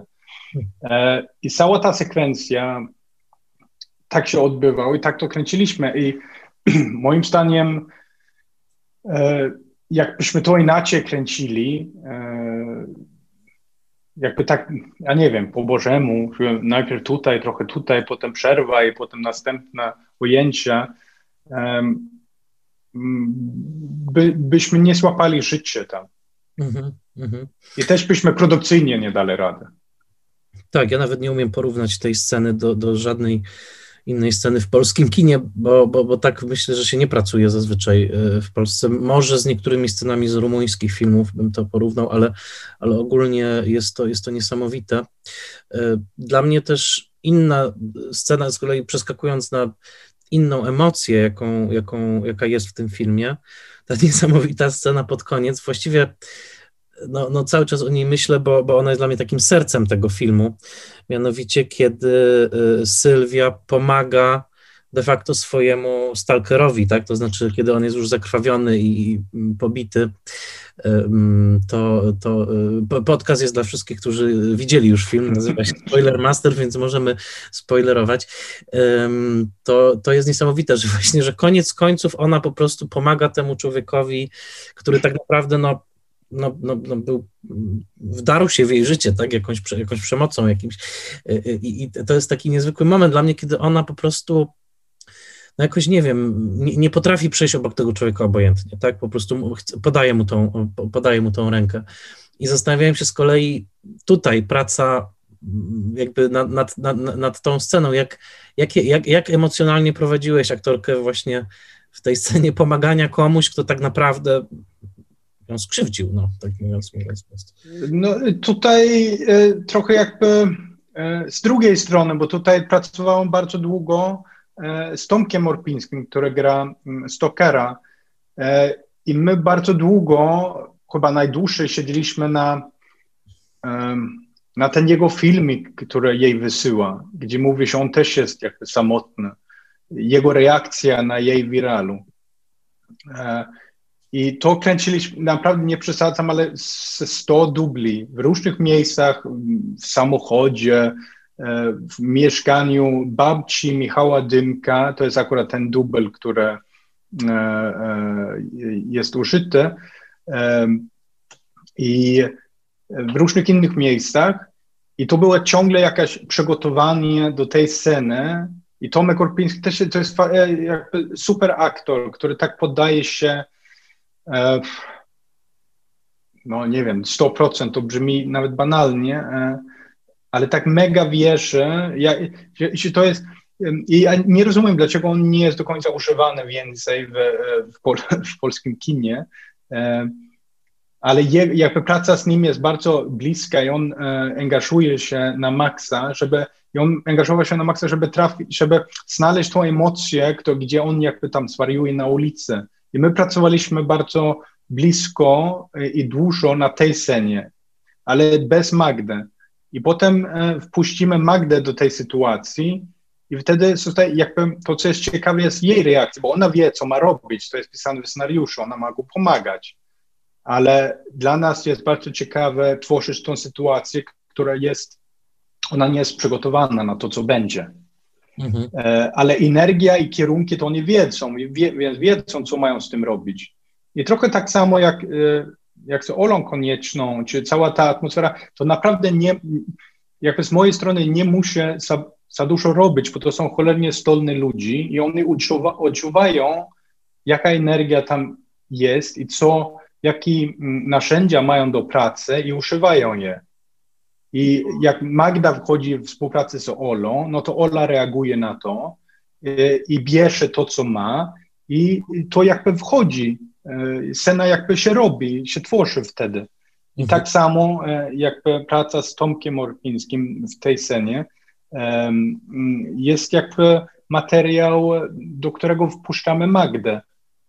Mhm. I ona jakby jej zaskoczeniem i um, jej reakcja jest bardzo ciekawa wtedy w tym. I wtedy ten materiał jest żywy i to jest też jakaś frajda na planie wtedy pracować, bo to, są, to jest adrenalina, bo nie wiem do końca, co wychodzi z tego mhm. i jak to będzie wyglądać. I też dla kamery, kamera nie wie do końca, co, co będzie, gdzie ma patrzeć, co, to nie jest planowane.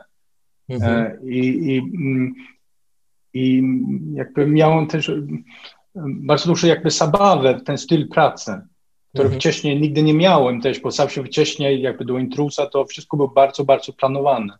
Mhm. I bardzo tak, wiesz, storyboard, e, A do Z, pozycje, wszystko bardzo, bardzo, bo jakby z powodu moich lęków, że nie będę wiedział na planie, co robić, a tutaj kompletnie inaczej chciałem E, mieć jakąś wolność, nie wiedzieć mhm. bardziej.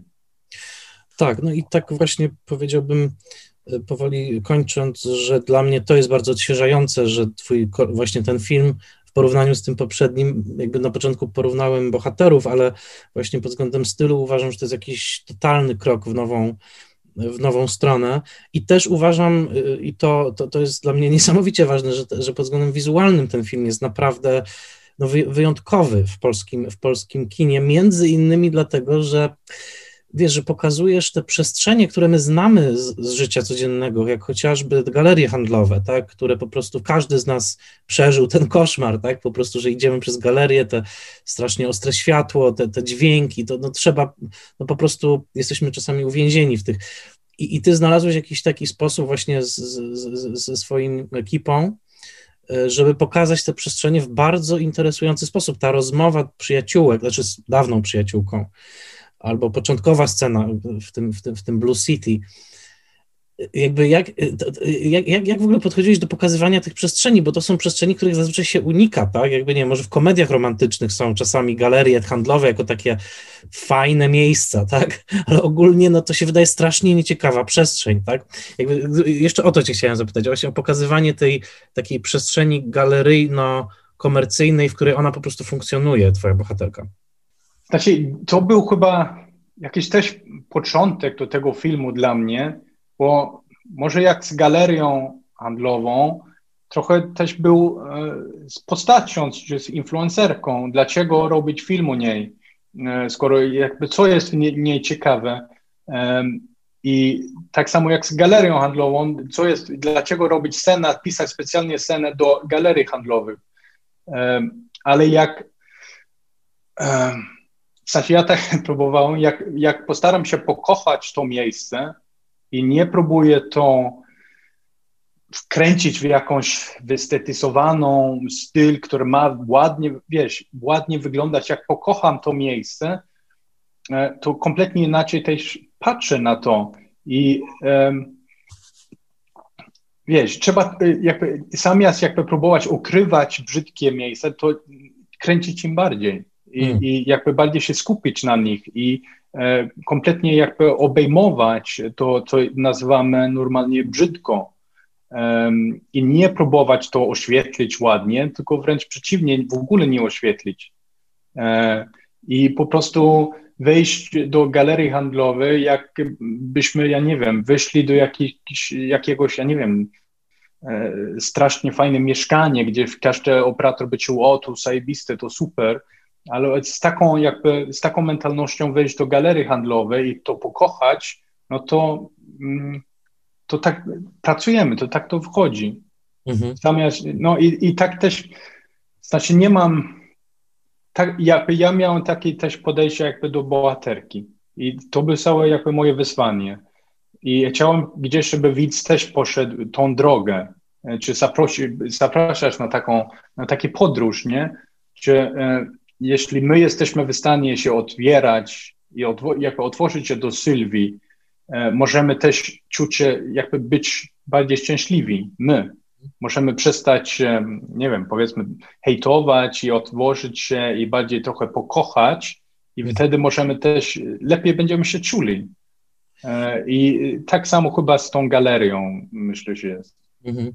Czy, to, czy to właśnie dlatego też nie zawarłeś w filmie ujęć będących jakby e, znaczy nie, nie, pokazujesz de facto jej Instagrama, to znaczy w sensie nie, nie, ma tak, że nagle jest cięcie i mamy totalnie na ekranie to, co ona kręci, a były takie filmy, które pokazują tak. totalnie to, co właśnie jest w tym momencie na jej ekranie. U ciebie nie ma tego ani razu.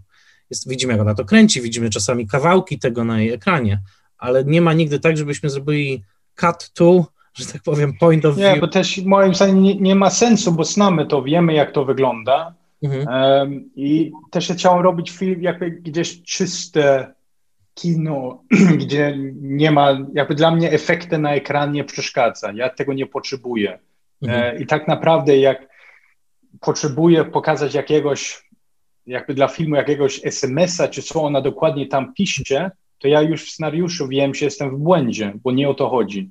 Mhm. E, I wiem, że jeśli jakaś taka konkretna informacja, informacja jest e, jakby ja, to, to jestem już we pułapce. Mhm. Bo tak naprawdę nie interesuje mnie takie kino, gdzie. Bo tak ja, ja nie interesuje mnie dokładnie, co ona pisze, co ona postuje, jak to wygląda. Mhm. Oczywiście, jakby my specjalnie tworzyliśmy, jakby platforma na telefonie tworzone do tego filmu, które wie, wszystko tam jest robione, żeby to realistycznie wyglądał, mhm. E, ale to też jest ciekawiej tak dokumentalnie obserwować, kręcić ekran, a nie używać jakichś takich gustownych efekty. Mm -hmm. um, ostatnie pytanie. Bo też chodzi o jakby, ale to przecież jakby też e, e, jakby jesteś bardzo świadomy tego też, nie, że nasze wyobrażenie działa lepiej niż to, co pokazujemy. Tak, ja uważam, że to jest fan, rewelacyjna decyzja w tym filmie, bo moim zdaniem, gdybyśmy zobaczyli jej to konto, jakby to, to trochę by odjęło od tego wszystkiego. Moim zdaniem, właśnie to, że tego nie widzimy, to jest tak, jakbyśmy byli w jej głowie, po prostu. I, i, i cieszyłem się, że, że tego właśnie nie, nie zrobiliście. I, i, I przez to, moim zdaniem, ten film ma taki swój, swój styl no a już w ogóle się najbardziej cieszę, że nie ma tak, bo nienawidzę tego, kiedy nagle właśnie na ekranie się pojawia SMS, tak, w sensie, że jakiś chmurka, tak, czy coś się pojawia takiego, tak. taki, i sobie myślę, że nikt jeszcze y, nie wymyślił właśnie, żeby tego nie, nie robić, bo to, bo to natychmiast, nie wiem, to jest jakieś takie nieeleganckie, mi się chce powiedzieć, żeby tak z punktu widzenia opowiadania filmowego, że to jest takie, tak jakby ktoś mi nagle wręczył kartkę z powieści wyrwaną i powiedział, dobra, to teraz to przeczytaj, żebyś wiedział, co się, co się dalej dzieje. Tak, tak dokładnie, wiem. dokładnie. Także... Nie, ale w końcu myślę, że to jest nieważne. Jakby tak um, um, naprawdę, jeśli kartka już jest potrzebna, to moim to, to już nie jest moje kino. Mhm. To, to już jest jakiś, jakiś kłopot. E, czy myślisz o swoich bohaterach już po zakończeniu filmu, czy się uwalniasz od nich raz na zawsze? Jak to jest? Czy Sylwa do ciebie czasem wraca, czy ona już jest odhaczona, już się z nią pożegnałeś? No słuchaj, w, tej rozmowie muszę wracać trochę, nie? Jak, I w rozmowach o filmie próbuję wracać, ale też już nie ma, szczerze mówiąc, to już nie ma tego, wiesz, to już tak naturalnie nie wchodzi, to już nie, nie ma tego więzi, który jakby wtedy był bardzo mocno i e, jakby jest wielkie poczucie też wolności, jak film jest skończony, że film jakby idzie żyć swoim życiem. I nawet to, co ja mam do powiedzenia o tym filmie jest jakby no, no jakaś tam ciekawostka już tylko, to e, może jakaś taka trivia, e, bo film jakby już jest robiony i ja już w tym do końca nie jestem ważny i robię jakby dalej, bo ja lubię tą pracę i jakby efekt, co tam wyszło, cieszę się, że wyszło ok, bo też czuję się jakoś, wyszło chyba to, co e, chcieliśmy robić, e, ale też jest to ogromne poczucie wolności, żeby jakby gdzieś tam pożegnać się z tym filmem, mhm. wpuścić ten film już niech ten film idzie. Dobrze, bardzo serdecznie Ci dziękuję. To trzymam kciuki za tą podróż, którą teraz odbywasz z jakimś nowym bohaterem albo bohaterką. No i w takim razie czekamy i dziękuję, że znalazłeś czas na, na odwiedziny. Dzięki bardzo, dzięki. To był Magnus von Horn, któremu serdecznie dziękuję i gratuluję. Zapomniałem wcześniej wspomnieć o deszczu nagród, jakie już spadły także na niego, bo to nagroda za najlepszą reżyserię w Gdyni i Srebrne Lwy właśnie dla filmu Sweat. Zresztą o wiele więcej nagród dla Sweat, dlatego że to także rola Magdaleny Koleśnik, rola Aleksandry Koniecznej i najlepszy montaż i najlepsze zdjęcia. To wszystko nagrody właśnie dla, dla e, filmu Sweat, a także nagroda Złotego Hugo mm, na festiwalu międzynarodowym w Chicago, e, gdzie także nagrodzono scenografię Właśnie w Chicago nagrodą srebrnego Hugo uhonorowano Jagnę Dobesz, z którą porozmawiam za chwilę. Jagna Dobesz e, jest scenografką, dekoratorką wnętrz, która właśnie odpowiada za te elementy filmu Sweat. Jej pracę możecie znać także z innych świetnych filmów, m.in. z Intruza Magnusa von Horna, ale także z Fugi Agnieszki Smoczyńskiej, gdzie fantastycznie stworzyła świat kobiety, która powraca do rzeczywistości właśnie po utracie, e, po utracie pamięci, a także pisarzy serial na krótko, drugi sezon, przy którym miałem przyjemność pracować, to właśnie praca Jagny Dobesz scenograficzna i jeden z moich ulubionych filmów ostatnich lat polskich, mianowicie Najpiękniejsze fajerwerki ever Aleksandry Terpińskiej, krótki film ze studia Monka, to także praca Jagny e, Dobesz jako E, scenografki. A zatem posłuchajmy, jak, jak od strony scenograficznej tworzenia właśnie świata wokół Sylwii wyglądała praca nad filmem Sweat.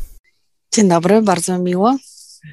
Mnie jest bardzo miło, że zgodziłaś się porozmawiać o tym filmie, o Twojej pracy przy tym filmie. No film y, jest, jest znakomity, bardzo, bardzo mi się podobał. Bardzo mi się podoba to, w jaki sposób bohaterka jest pokazana w swoim świecie, a, a, właściwie w swoich światach, dlatego że te światy są różne. Widzimy ją i w jej e, bardzo takim właśnie dewelopersko wypasionym mieszkaniu, i widzimy ją w mieszkaniu mamy w bloku, i widzimy ją w trakcie jakiejś imprezy takiej, na której są e, fotoreporterzy z różnych e, plotkarskich magazynów. No i ty, ty, ty byłaś odpowiedzialna za, za, za tworzenie tych światów, wymyślanie też, jak będą e, wyglądały. I chciałbym Cię najpierw zapytać o to, jak myślałaś o tej postaci, o Sylwii, właśnie w relacji do tych różnych przestrzeni. Jak, jak Ty ją widziałaś i jak chciałaś e, tworzyć te, te przestrzenie dla niej, może zaczynając od jej mieszkania, bo ono jest, ono jest myślę, takie przerażająco e, przerażająco adekwatne. Tak sobie wyobrażam, że tak właśnie mieszka taka, taka Sylwia. Gdybyśmy mogli zaczęli właśnie od przestrzeni jej mieszkania. E, dobrze, e, może w ogóle taka ogólna uwaga, bo to był e, też ciekawy film, dla mnie wyjątkowy bardzo, bo to był pierwszy film, do którego ja nie zrobiłam moodboardu na początku. A zawsze robię moodboard, żeby zdobyć film. No tu akurat zrobiłam, żeby Magnus też czuł się spokojny, że, że nadal potrafię pracować, ale pierwszy raz nie zrobiłam takiego moodboardu, takiego moodbooku filmu, dlatego że takim założeniem e, scenograficznym i w ogóle kamery i gry aktorskiej było to, żeby to było bardzo dokumentalne. Czyli dosłownie tak, e, jakbyś, mówiąc językiem Sylwii, followował ją z kamerą. I bardzo dużo mi kosztowało, żeby mm, w swojej wyobraźni pozbyć się takich zapędów, można nazwać to zdobniczych albo kreacyjnych mocno, bo byłam akurat po skończeniu takiego filmu, gdzie bardzo dużo tego świata musiałam stworzyć, takiego science fiction.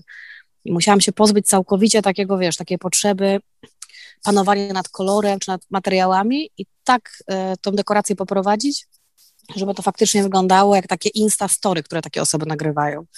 Więc z Magnusem się przygotowaliśmy razem i bardzo miło wspomniałam ten czas i z operatorem Dymkiem, że chodziliśmy na jakieś różne takie dosyć zabawne dla nas imprezy, tak zwane celebryckie, e, wystrojeni. E, Magnus zdobywał zaproszenia typu Plejada Gwiazd albo jakiś, e, nie wiem, Dzień Szampana i po prostu tam dokumentowaliśmy ten świat.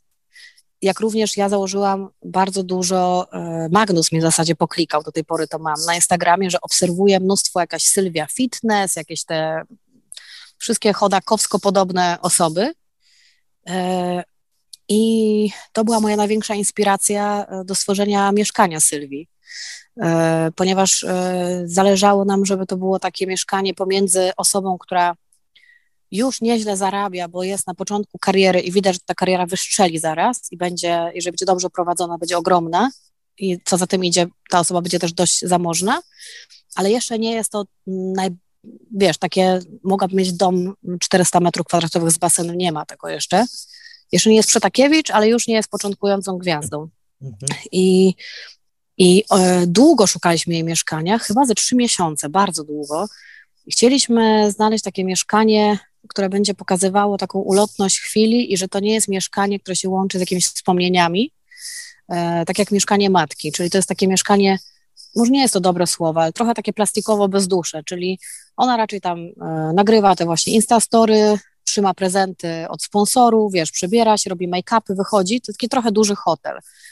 Jest to jej mieszkanie, ale czy ona jakoś super czuje się, że to jest jej mieszkanie, taki, taki dom? Nie, wydaje mi się, że bardziej auto, więc w tym aucie było dużo bałaganu i też dbam o to, żeby, żeby tam w tym aucie były resztki jedzenia, jakieś ciuchy, kosmetyki.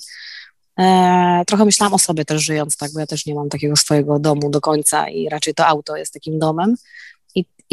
I, stąd takie myślenie y, o takiej osobie na, do, na tak zwanym dorobku. I w Warszawie najczęściej takie osoby mieszkają y, w jakichś takich, y, nazwijmy to, apartamentowcach, niezależnie od wielkości tych miejsc. I długo szukaliśmy, cały Wilanów przeszukaliśmy, wszystkie nowo dewelopersko odkryte dzielnice starszego typu, no, nowsze. Pociągało nas coś w Wilanowie, bo to jest takie miejsce, gdzie nie chciałabym nikogo obrazić, ale niewiel, niewielu z moich znajomych e, podejrzewam dobrze by się czuło tam, bo jest to, tam jest wszystko nowe.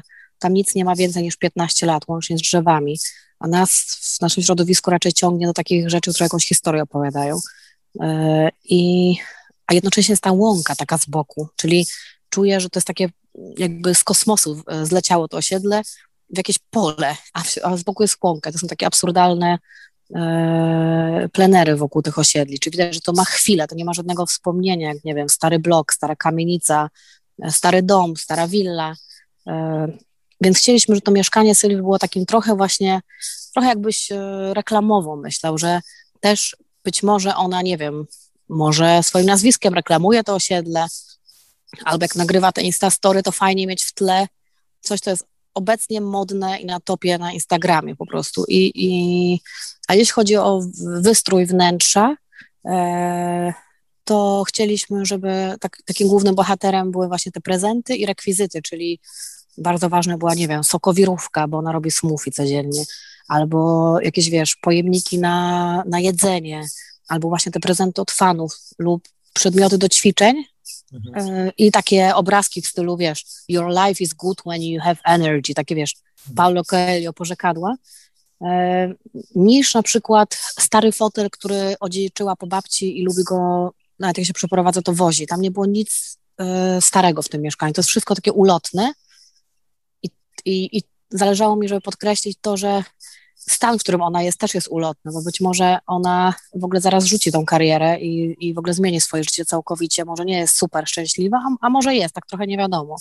I chcieliśmy, żeby to mieszkanie też pokazywało taką, wiesz, taką tu i teraz, żeby nie było w tym e, jakiejś głębszej może nie głębszej, takiej historii z przeszłości, żeby to nie było taki dom e, z jakimiś wspomnieniami.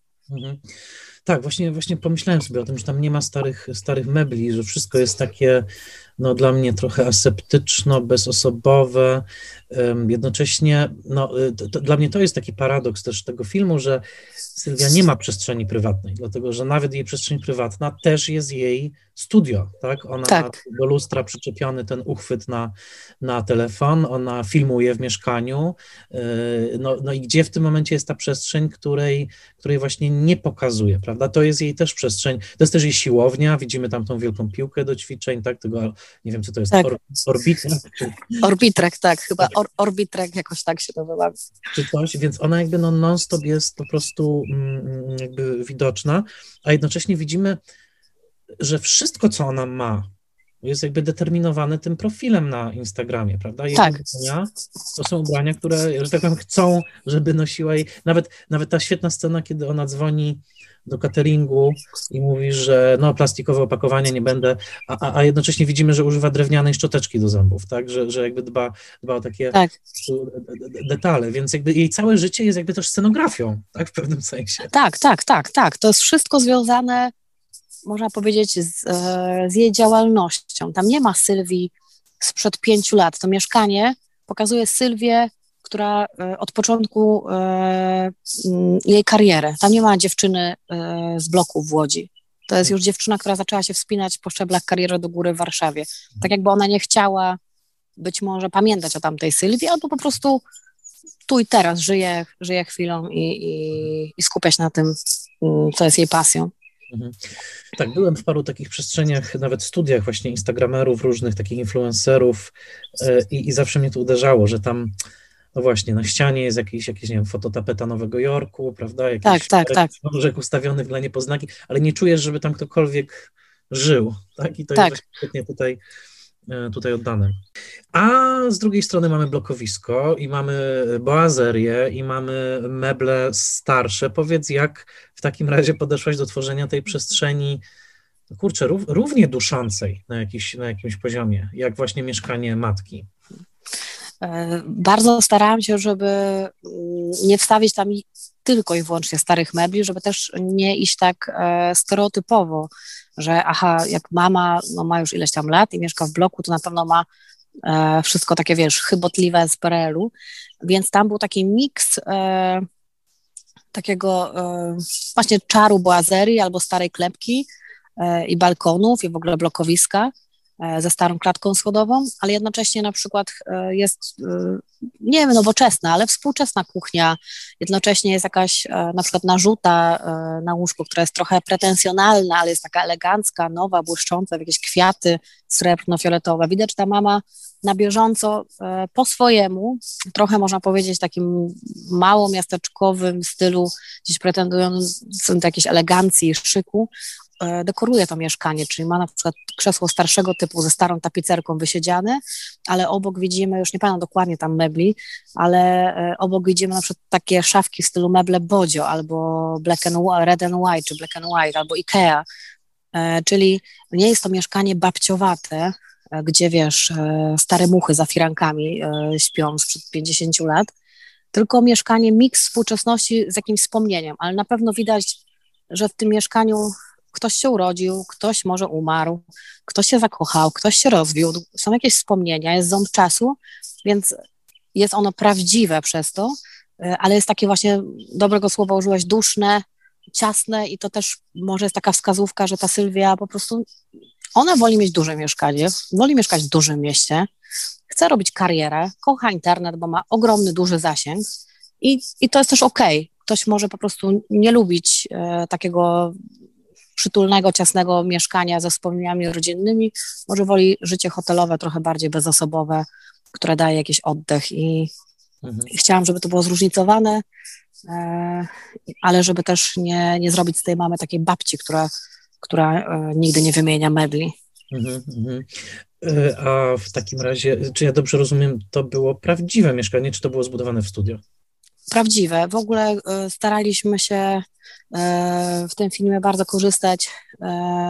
No nie jest złe, dobre słowo zastane, bo tam wymienialiśmy i stół, i, i fotele, i zasłony, i łóżko, i, i jakieś komody i tak dalej ale z takich miejsc, które nas już zainteresują, wiesz, filmowo, a ja mhm. tylko pod bohatera i pod to, ile osób przy tym stole tam siedziało, mhm. e, po prostu to zaaranżuję, ale żeby mieszkanie już nam dawało e, jaką, jakieś, jakieś informacje o, o bohaterkach, plus tam ważne, e, tam w ogóle ta scena była w Mastershocie kręcona, ten Mastershot trwał 40 chyba 4 minuty, to Magnus lepiej powie, jak Sylwia parkuje, wnosi telewizor, tak krzesła z piwnicy siada do stołu, aż cała ta sytuacja przy stole się odbywa. Do samego końca. To prawie godzinny take, więc to trzeba było detalicznie każdy rekwizyt i tą przestrzeń e, mieć tak znalezioną, żeby to było możliwe zarówno dla operatora, jak aktorów i żeby scenograficznie też się opowiedziało. Mhm. E, powiedz w takim razie jeszcze o jednym typie przestrzeni w tym filmie, który też uważam, że jest świetnie pokazany. Dla mnie to jest taki trochę koszmar naszych czasów, mhm. E, to znaczy te takie przestrzenie mm, mm, prowizoryczne, nie wiem jak to powiedzieć, chodzi mi o galerie handlowe, tak? Chodzi mi o galerie handlowe, mhm o te, o te właśnie pierwsze sceny kręcone w Blue City, jak rozumiem, y, tak. warszawskim, y, gdzie po prostu jest scena w manikiru y, i te wszystkie sceny, które mi uświadamiają, a ja tego nie znoszę, że poruszamy się po przestrzeniach na co dzień właśnie tych galeryjnych, które są, które nas tak oświetlają, po prostu jesteśmy jak w takich lightboxach po prostu, że, mhm. że w tej neonowej przestrzeni totalnie oświetleni po prostu jak w jakiś po prostu sztuczny, sztuczny świat. Solarium. Solarium, dokładnie. Więc gdybyś powiedziała trochę o tym, bo, bo też nie wiem, jak wyglądała twoja praca w tych przestrzeniach, na, jak, jak tutaj, y, jak twój wkład właśnie w to, y, czy wybór tych przestrzeni, gdybyś powiedziała się o tych przestrzeniach galeryjno-tymczasowych, które tam są. Mhm. No to też było właśnie dla mnie takim, mi zajęło kilka tygodni przetransformowanie mojego mózgu, żeby zrobić ten, ten typ dekoracji. Czyli taki dla nas wszystkich gdzieś często brzydki, albo taki nieludzki, albo taki, gdzie my nie chcielibyśmy siedzieć, a nadal zachwycać się nim jako lokacjami, jako kadrami, jako obrazami w filmie. Więc e, za co jestem bardzo wdzięczna Magnusowi, on mnie wciągnął w taką fascynację tym takim instagramowym światem tych galerii, tych wszystkich imprez, bo ja w ogóle w tym nie siedziałam nigdy. E, I po prostu też chodziliśmy, e, nawet byliśmy razem z Magdusem na otwarciu Galerii Młociny, takim uroczystym, przypadkiem. Tam był jakiś występ, jakaś chorodyńska, coś opowiadało o modzie. My to filmowaliśmy, tacy psychofani, dokumentowaliśmy to i zaczęło mnie to wciągać. I szukaliśmy e, miejsca na ten występ sportowy, na zajęcia sportowe. Sylwii i ja się zakochałam w ogóle ostatnio w ekranach LEDowych. To jest hmm. taki najnowszy krzyk mody w postprodukcji, że zamiast green screena rozkładasz ekrany LEDowe. I, I strasznie chciałam, żeby były te ekrany. I w Blue City oni mają taki właśnie ekran. I wydawało mi się, że to jest genialne, że, że ona będzie ćwiczyć i ta jej twarz i ciało będą takie ogromne, będą tak panowały nad wszystkim, jak taka, wiesz, e, królowa e, fitnessu. E, plus tam jakaś fontanna też jest. I i, i, i szukaliśmy też galerii, która do, w, jakiej, w tej swojej brzydocie centrum handlowego dobrze się fotografuje, jest interesująca dla kamery i też jesteśmy w stanie ją opanować, jeśli chodzi o statystów. No i wybraliśmy Blue City ze względu na kolorystykę ciekawą, tam była taka fajna niebieska mozaika i na, e, na ten ekran LEDowy, a hmm. moją robotą było E, dopilnowanie, bo to robiła firma eventowa, która się specjalizuje w takich e, budowach, zbudowanie takiej, tej całej sceny, mhm. E, na której ona ćwiczy, więc ja współpracowałam z firmą eventową, ponieważ sama bym tego nie, no, też czerpałam właśnie na przykład inspirację współpracując z dwoma firmami eventowymi, a nie z budowami dekoracji, dekoracji z filmu, bo to też jest, oni mają inne rozwiązania, oni używają pleksji, jakichś błyszczących, jakichś LEDów, w filmie to są nie do pomyślenia materiały, można powiedzieć, wzgardzone. Nikt nie chce używać takich materiałów, a nagle tutaj to jest walor i, i to było ciężkie. Ja się bardzo stresowałam tą budową, bo to było coś dla mnie nowego, więc nie czułam, że tak panuję nad tym w stu procentach, jakbym sobie tego życzyła, mhm. ale mam nadzieję, że się udało ostatecznie. A jeśli chodzi o paznokcie, to, to była trudna lokacja, mhm. wbrew pozorom ponieważ te miejsca są dosyć ciasne, chcieliśmy, żeby to też mimo wszystko po filmowemu dobrze się sfilmowało. Ja tam dokładałam jakieś ścianki chyba jako tło, żeby tak, tak, taki portret jest trochę abstrakcyjny podczas robienia tych paznokci. Tam ja e, dodałam taką ściankę, tak korzystaliśmy e, zastanego miejsca w Łodzi i chcieliśmy, żeby takie życie było za, za szybami, żeby cały czas, żeby ona była cały czas taki, taka obserwowana, że ona jest obserwowana w domu, w aucie, nawet jak robi te paznokcie, to gdzieś gdzie się obserwowano. Mhm, mhm. E, tak, no to mi się też bardzo podobało, tym bardziej, że tam akurat nie widzimy tej drugiej dziewczyny, która też robi relacje, tak, i jakby e, Sylwia ją podsłuchuje. E, no, mnie najbardziej jakoś tak całościowo mówiąc po prostu ujęło to, że naprawdę pokazaliście bohaterkę bezdomną, tak naprawdę, w sensie, że ja oglądam ją przez dwie godziny, ale ja ani razu nie czuję, żeby ona gdzieś była u siebie, po prostu, że ona jest ciągle na jakiejś scenie, na jakimś, w jakimś tymczasowym, nawet te takie, no chociażby tam jak ona wychodzi, jest ta garderoba taka, że tam te owoce, mm, ale wszystko jest dla niej, tak? To jest jakby dla niej, tak. ale to nie jest jej. Tak? I, to jest, tak. i, to jest, I to jest bardzo fajne. Włącznie są taką, ja nie wiem co to, piwnica z tymi czerwonymi ścianami, gdzie ona się przebiera. Bardzo fajna też scena między nią a, a, a Boże, umyka mi teraz Klau... Tak? Klaudiuszem. Tak, gdzie jest pierwszy taki znak, że tam może być jakieś erotyczne też, mhm. No, taka, taka czerwona przestrzeń ciekawa, rozumiem, tak. gdzieś zupełnie indziej niż Blue City, jak się domyślam. Tak, to, była, to było centrum handlowe Sukcesja, o wdzięcznej hmm. nazwie Sukcesja e, w Łodzi, ale bardzo, bardzo fajne miejsce, które nam też po, pozwoliło tam e, na duże działanie i, i bardzo nam pomagali. I e, dodaliśmy tą czerwień E, to był pomysł e, operatora, bardzo fajny, żeby takim właśnie czerwonym, mocnym tam zaznaczyć e, to tło. A, a ja zobaczyłam w tej sukcesji gdzieś w jakimś, bo to nie działa częściowo to centrum, jakieś takie porzucone lustra. I chciałam właśnie wstawić je w dekorację, żeby tak zmultiplikować właśnie tą taką, że ona się albo odbija, albo się przygląda, albo jest filmowana, albo się filmuje sama, że to jest na okrągło relacja z życia i ona w zasadzie chyba poza toaletą dosłownie, chociaż podejrzewam, że prawie, że też nie, bo tam też ma telefon. W zasadzie nie ma tej prywatności nigdzie, mhm. kompletnie, bo też może nie chce je mieć tak naprawdę. Bardzo Ci dziękuję za poświęcony czas i dziękuję za naprawdę super robotę przy filmie i, i tworzeniu tego świata, e, tego świata Sylwii. Także wielkie, wielkie dzięki.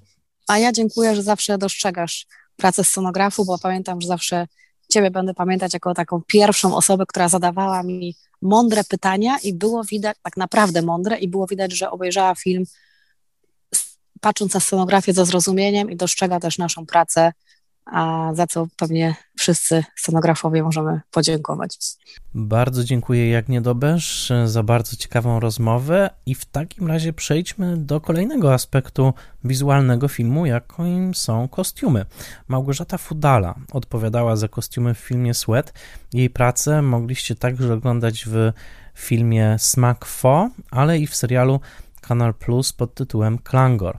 Już niedługo premiera filmu Matecznik, przy którym także współpracowała, bardzo interesującego, który miałem także okazję czytać w formie scenariuszowej. A zatem Małgorzata Fudala i kostiumy filmu Sweat.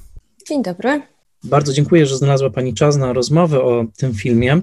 E, filmie, który mm, wydaje mi się no, mm, bardzo mocno e, tworzy postać Sylwii, e, poprzez to, co Sylwia ma na sobie, po części przez to, że Sylwia jest cały czas świadoma tego, że jest obserwowana, jest obserwowana przez swoich fanów, ubiera się także dla nich, nie tylko dla siebie i ubiera się także bardzo różnie w przeciągu tej, tej, tej fabuły.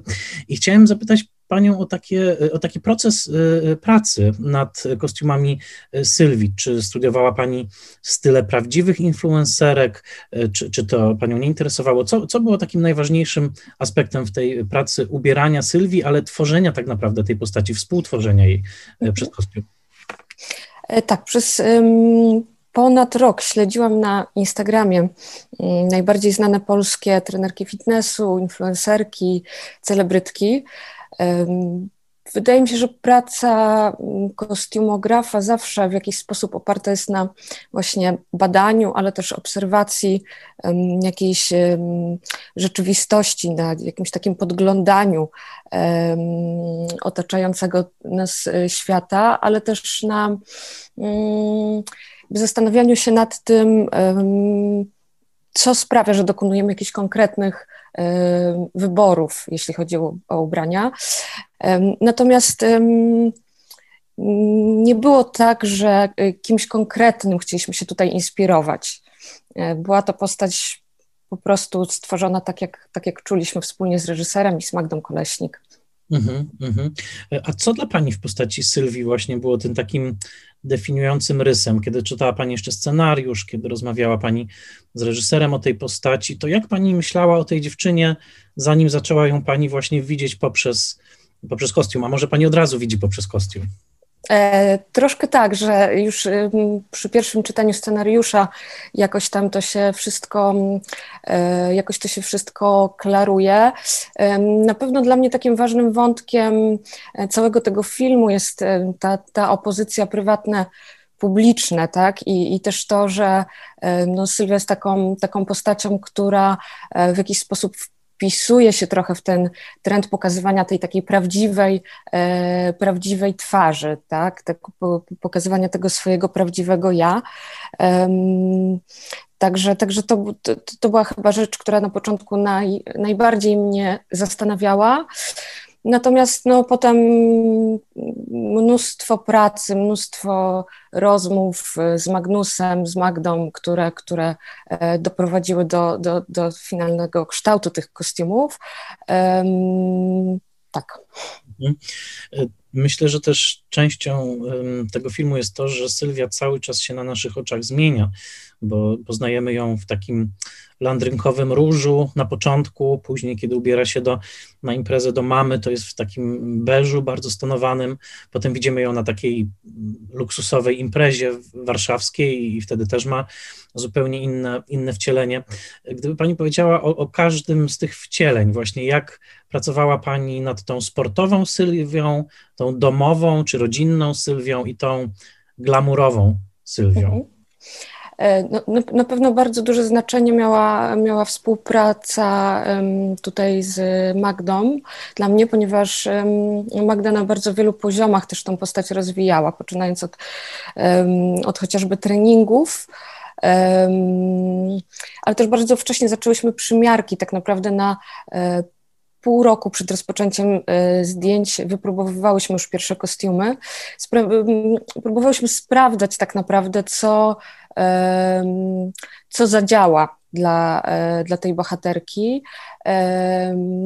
Bardzo to jest zresztą dla mnie ważne, żeby, żeby kostium był jakimś takim wsparciem dla aktora, tak? Że on nie tylko konstytuuje postać i nie tylko ją jakoś dookreśla, ale jest po prostu narzędziem też dla, dla, dla aktora i jest to dla mnie bardzo ważne, żeby żeby to wsparcie właśnie aktor mógł poczuć ze strony kostiumu i żeby po prostu ten swój kostium lubił. Mhm. Też jest bardzo, bardzo ważne. A gdyby pani powiedziała właśnie o którymś nawet konkretnym kostiumie, mhm. o tym beżowym stroju, który ona zakłada, mhm. kiedy, kiedy jedzie, jedzie, jedzie do mamy. Jak, jak szukaliście tak. tego konkretnego kroju, o co, o, co mhm. myśleliście właśnie, kiedy, kiedy tę, tę część filmu ubieraliście, że tak to jest e, akurat e, wyjątkowa dla mnie scena, która też dosyć szybko się to e, w mojej głowie pojawiło, bo tam bardzo dużo się na poziomie dramaturgicznym dzieje e, i bardzo szybko pojawił się taki pomysł, żeby e, w zasadzie wszyscy, e, wszyscy uczestnicy tej sceny byli tacy bardzo monochromatyczni, bardzo tacy wygaszeni, żeby się tak trochę w to, mm, jakby w to mieszkanie wtopili. Także to, to, to tutaj akurat Sylwia była też częścią większej, większej całości na tle całej rodziny. Mhm, włącznie z przykrótkim krawatem e, Zbigniewa Zamachowskiego e, i łącznie z bardzo też taką, no właśnie chciałoby się powiedzieć, e, grzeczną kreacją, jaką ma na sobie Aleksandra Konieczna jako mama. Jak pani myślała o ubieraniu właśnie mamy Sylwii, prawda? To jest jedyna scena, w której ją widzimy. Oczywiście jest długa, ale mhm. jednak to jest jedyny raz, kiedy widzimy mamy Sylwii. Jak tutaj z kolei myślała pani o tym ubieraniu matki Sylwii? E, tutaj bardzo dużą inspiracją było dla mnie mieszkanie. E, myślę, że genialnie e, znaleziona lokacja, bo jest w tym mieszkaniu coś bardzo dziwnego. Z jednej strony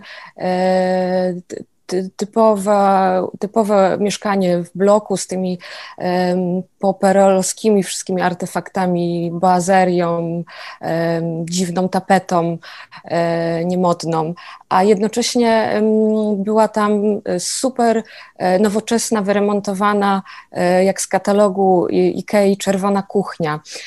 I w jakiś sposób to, to zderzenie tych światów wydało mi się bardzo, bardzo ciekawe, jakieś takie mm, niepokojące, tak nieoczywiste i też te jakieś takie mieszające porządki.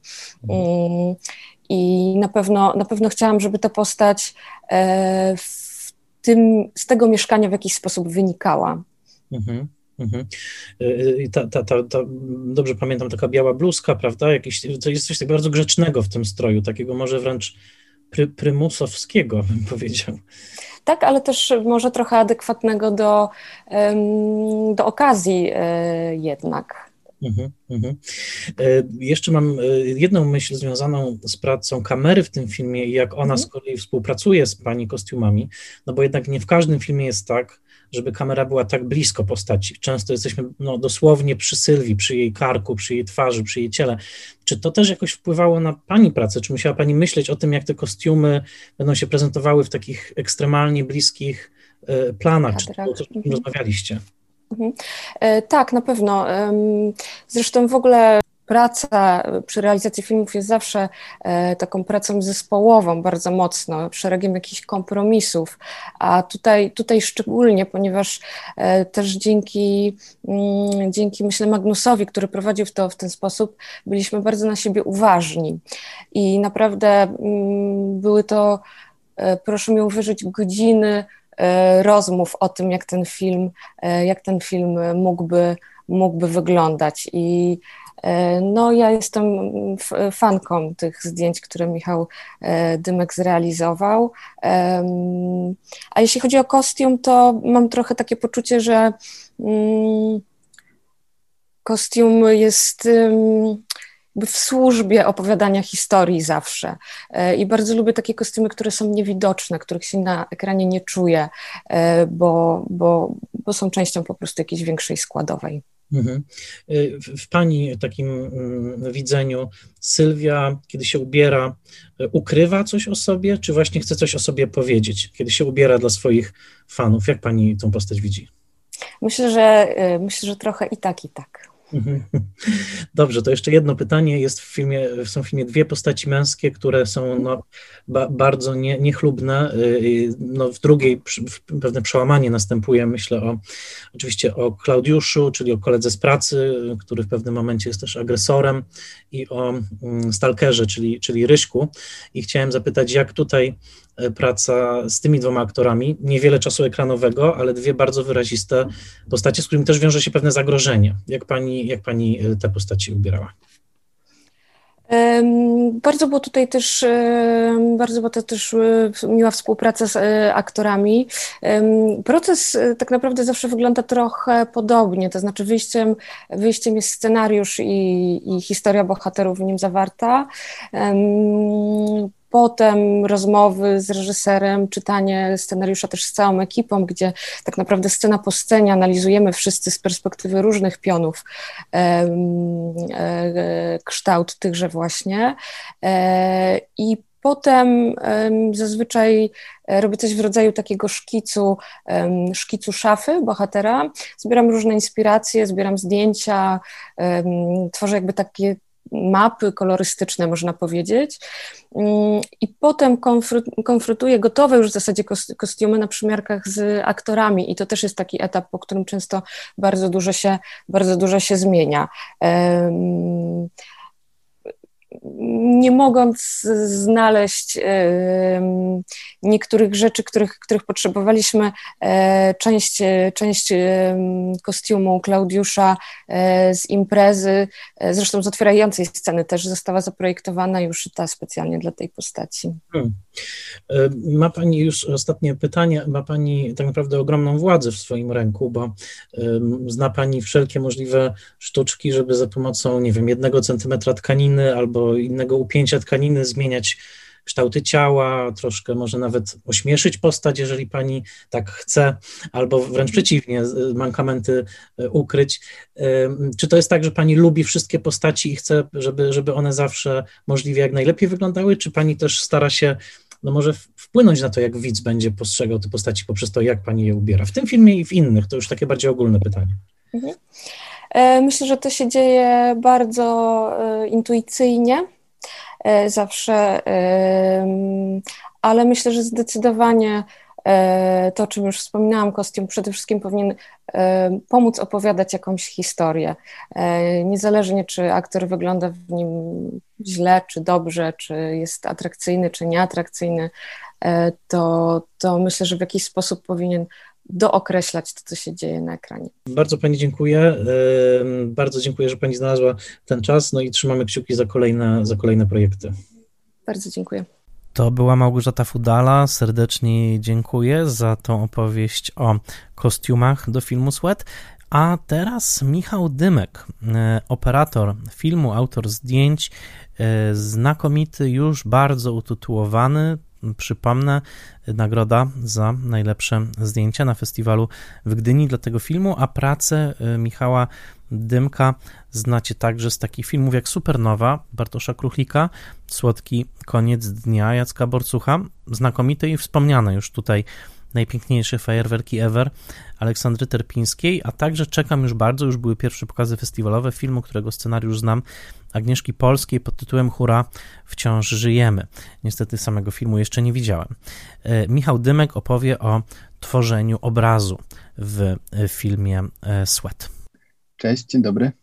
Michale, film opowiada o bohaterce, która sama jest rodzajem operatora kamery, to znaczy cały czas siebie kręci, cały czas jest w ruchu, cały czas jest świadoma jakby tego, że, że jest widziana tak, przez, swoich, przez swoich fanów. Powiedz, jak, jak opracowywaliście z Magnusem von Hornem w ogóle koncepcję wizualną tego filmu? Jak opowiadać o takiej bohaterce, która sama cały czas się kręci i ciągle, ciągle się przemieszcza? Myślę, że w trakcie rozmyślań na temat y, formy tego filmu przyszliśmy cały wachlarz wszystkich możliwości, jakbyśmy mogli uchwycić ten temat. Pierwsze skojarzenie jakby, e, które nasuwa się twórcy, słysząc o takim projekcie, o takiej bohaterce, jest właśnie obraz krystalicznie czysty, przepiękny, wyretuszowany, ale po, po, po jakichś takich poszukiwaniach w tych rewirach razem z Magnusem doszliśmy do wniosku, że o wiele ciekawsze będzie osadzenie tej formy jednak na kontrze w stosunku do jakby świata naszej głównej bohaterki, w związku z czym e, Magnus rzucił takie właśnie hasło jak najbrudniej, jak najbliżej, jak najbardziej dynamicznie i zaczęliśmy, odwróciliśmy się o 180 stopni i zaczęliśmy szukać w przeciwnym kierunku. No i, i, i potem oczywiście doszły wszelakie próby aktorskie, połączone jeszcze z przedwczesnymi castingami, na których mieliśmy okazję też szukać przez przypadek, rejestrując y, daną próbkę jakby aktorskiego warsztatu, mieliśmy okazję szukać też formy. I to było też ciekawe, że przez y, doświadczenia, które mm, służyły czemuś innemu na castingach, od, jakby dostawaliśmy jakiś pomysł, że to jest też ciekawe, jeżeli chodzi o sposób opowiadania dla tego projektu. I, i, i, i, i co jeszcze? E, no dużo było jakichś takich założeń e, z naszej strony. Stworzyliśmy sobie e, kodeks, no, kodeks, jakiś spis zasad, czym, kim ma być kamera, że ma być właśnie nadpobudliwym takim psem, który nie odpuszcza naszej bohaterki na krok. Myślę, że że bardzo emocjonalnie jakby ta kamera dopasowała się do, do, do, tego, jaką jest nasza bohaterka. No i to myślę było najważniejsze zadanie. No są momenty, kiedy rzeczywiście ona jest tym nadpobudliwym pieskiem, bardzo fajna metafora. Są też momenty, kiedy jest całkowicie wycofana i na przykład przez dobrą minutę bardzo, bardzo powolną, takim panoramą w górę śledzi, jak Sylwia po prostu idzie po schodach. Gdybyś powiedział o tym takim dla mnie troszeczkę sugerującym kino Hanekego, zimnym ujęciu. Słuchaj, ta scena akurat była dość mocno, to znaczy precyzyjnie opisana w scenariuszu, z tego co próbuję sobie teraz przypomnieć, że właśnie ona wchodzi po schodach i nagrywa swojego posta. Właśnie tr trudno mi powiedzieć. Szczerze nie pamiętam y, żadnej genezy te, te, tego ujęcia. Na pewno albo to nam obu w mojej i Magnusa głowie zaświtało, że fajnie byłoby to zrobić z takiego dystansu, tworzyć dystans w stosunku do bliskości jej telefonu, a jednak jako obserwator. No, też trzeba powiedzieć na głos, że y, dynamiczne, jakby takie nadpobudliwe opowiadanie jest dobre, ale też fajnie czasami, żeby jeszcze bardziej je podkreślić, jest stworzenie pewnego takiego rytmu, który tworzy się poprzez odskakiwanie, dodawanie tego powietrza w tej bardzo gęstej narracji. Więc uznaliśmy, że to jest jedna z takich prawdopodobnie luk, gdzie możemy dać chwilę oddechu, pokazać. To też jest ważna sekwencja, ponieważ ustanawiamy świat Sylwii, pokazujemy, gdzie ona mieszka. To jest początek filmu, który e, wymagał od nas stworzenia jakiegoś zarysu jej rzeczywistości, e, który następnie skontrastowany e, z częścią łódzką, widzewską, gdzie nagle pokazujemy e, jej aspiracje, jej korzenie, jakby jej cele w życiu, czy też e, kierunek, jak, w którym chce pchać swoje życie, w przeciwieństwie do tego, skąd się wywodzi, nie? żeby stworzyć jeszcze większy kontrast między e, w tym, w tym matczyno-córczym konflikcie na przykład. Mhm, mhm.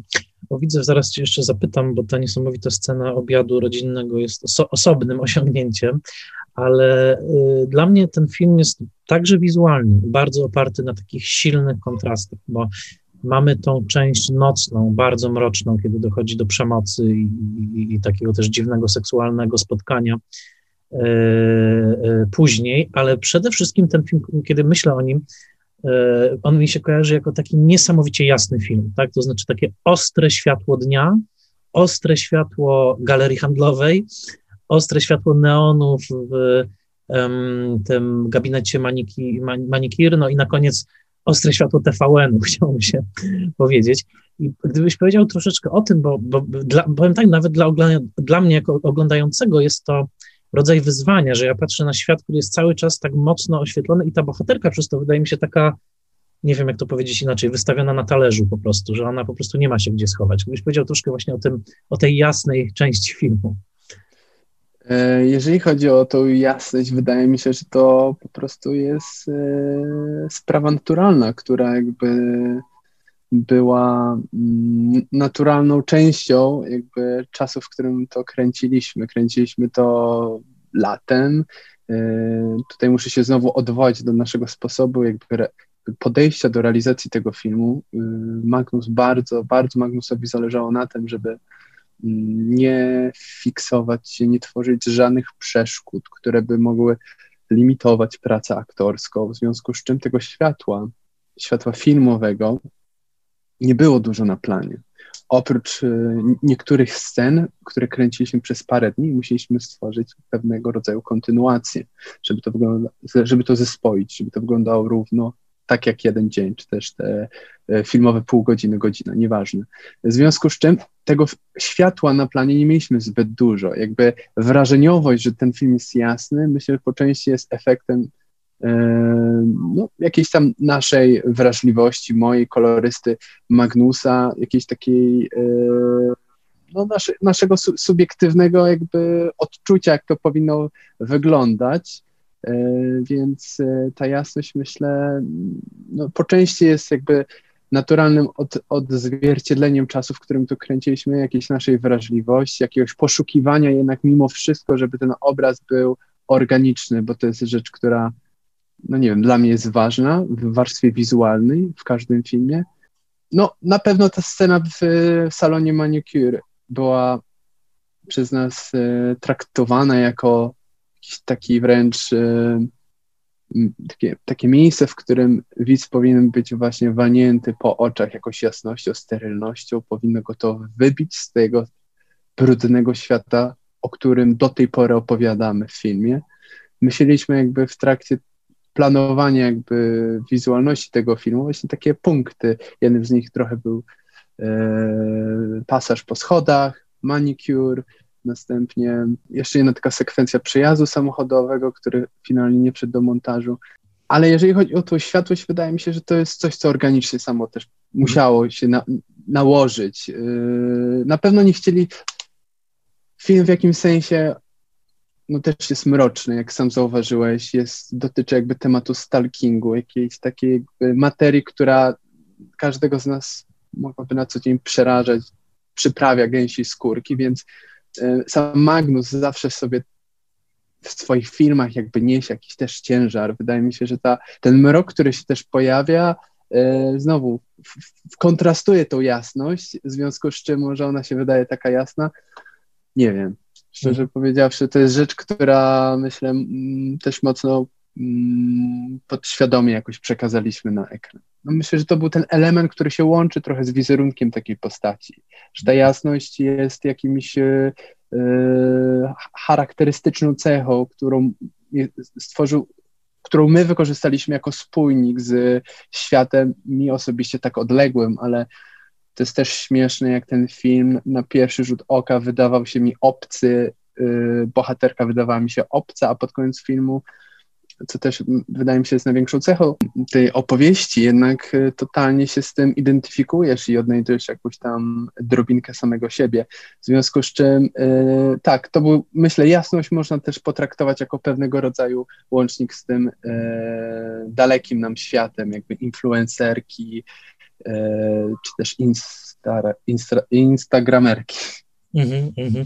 No jest coś takiego też jasnego w samej Magdzie Koleśnik w tym filmie, no bo ona jednak ma to, to, to cały czas spięte blond włosy, te, y, ten moment, kiedy ona spotyka przyjaciółkę i ma takie szeroko rozwarte oczy.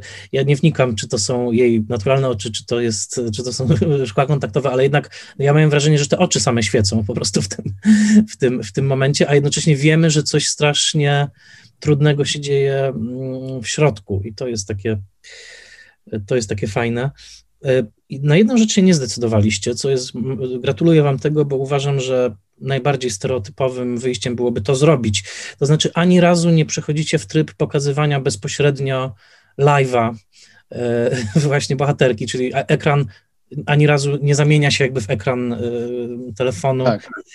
I, i, i bardzo się z tego cieszę, bo zawsze uważam, że to trochę sztucznie wypada, jeżeli to się dzieje. Gdybyście opowiedzieli właśnie o tym, że właściwie zrobiliście film o Instagramerce, a ani razu nie pokazaliście nam jej konta tak jeden do jeden.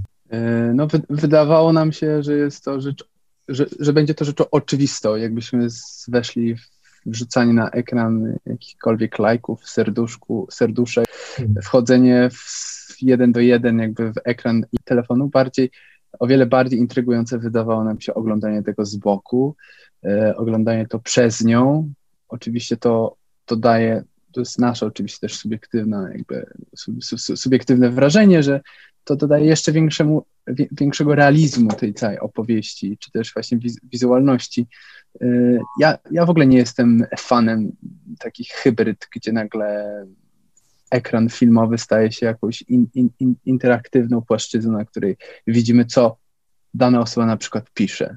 Jest to dla mnie zbyt oczywista kwestia gustu yy, i, i, i, tyle, wydaje mi się. Nie, trudno mi wyobrazić sobie operatora, który by cieszył się na zdjęcia w galerii handlowej, yy, bo wydaje się taka strasznie banalna przestrzeń, taka też no, właśnie zalana tym sztucznym światłem. Powiedz mi, jak ty do tego podszedłeś? Film zaczyna się bardzo dynamiczną sekwencją w Blue City, gdzie te przedziwne schody, jakieś balkony i tak dalej tworzą jakąś taką taki pałac Sylwii, no troszeczkę tak to, tak, tak to wygląda. Czy to dla ciebie w ogóle było właśnie wyzwanie kręcić w takiej e, przestrzeni, którą wszyscy znamy z życia, chyba nikt za bardzo jej nie lubi i, i trudno ją nazwać ładną.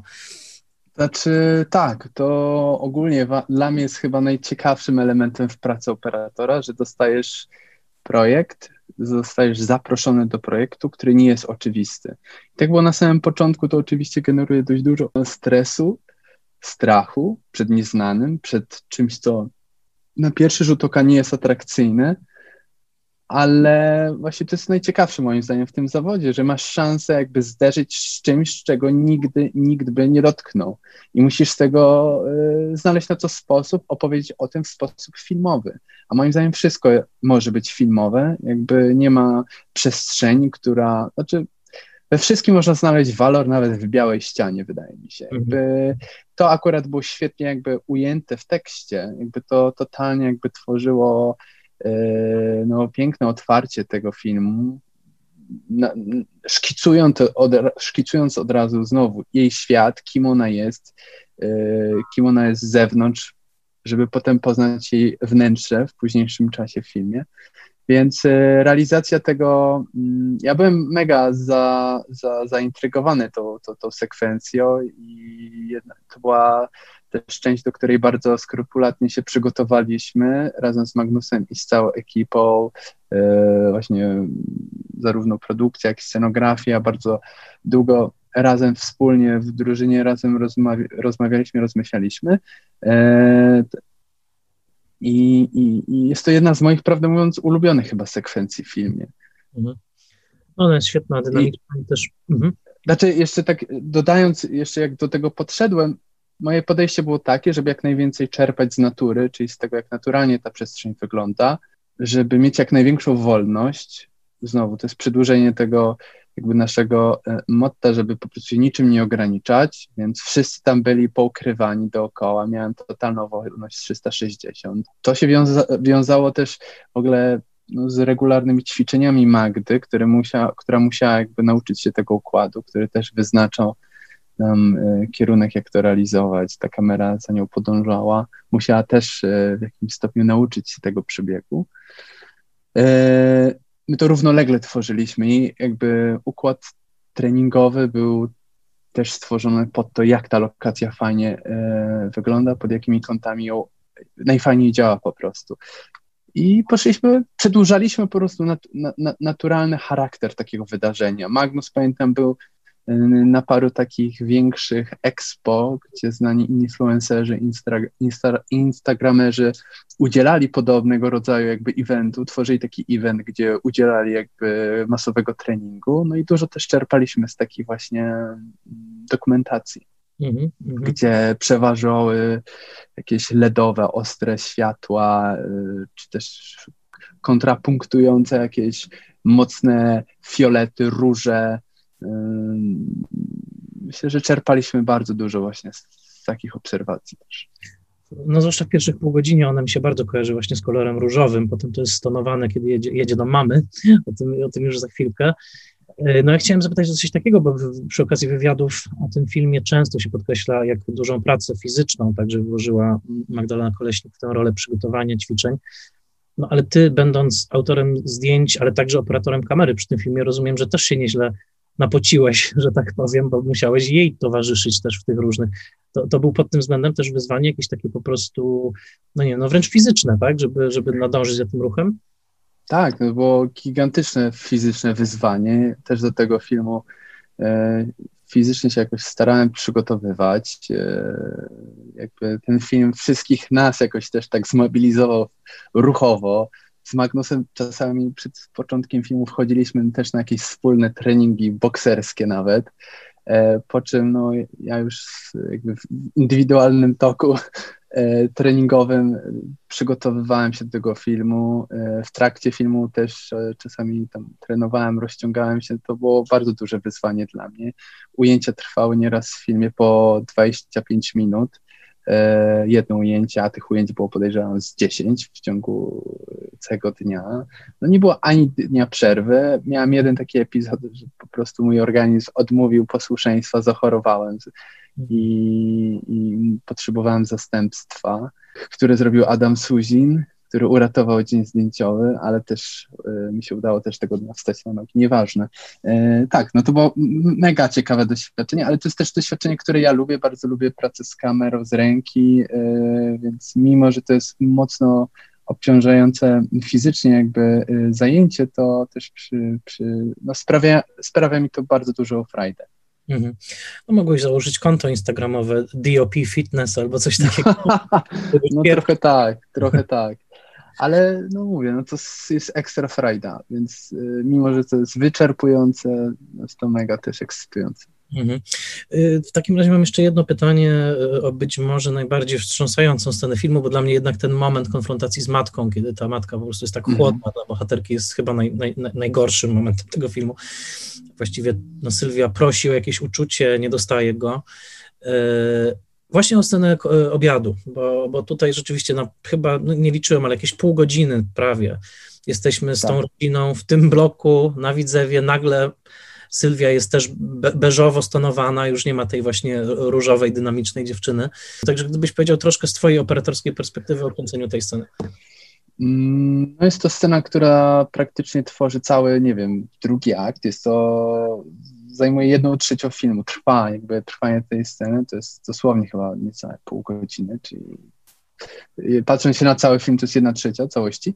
E, tą scenę kręciliśmy bodajże prawie przez trzy dni, więc e, to było po pierwsze wyzwanie dla nas, żeby, dla, znaczy dla mnie, żeby to zespoić, żeby to wyglądało tak samo, a mieliśmy, z tego co pamiętam, naprawdę też e, szeroki wachlarz pogodowy, od e, straszliwej wichury z burzą, aż po piękne słońce i pochmurne niebo.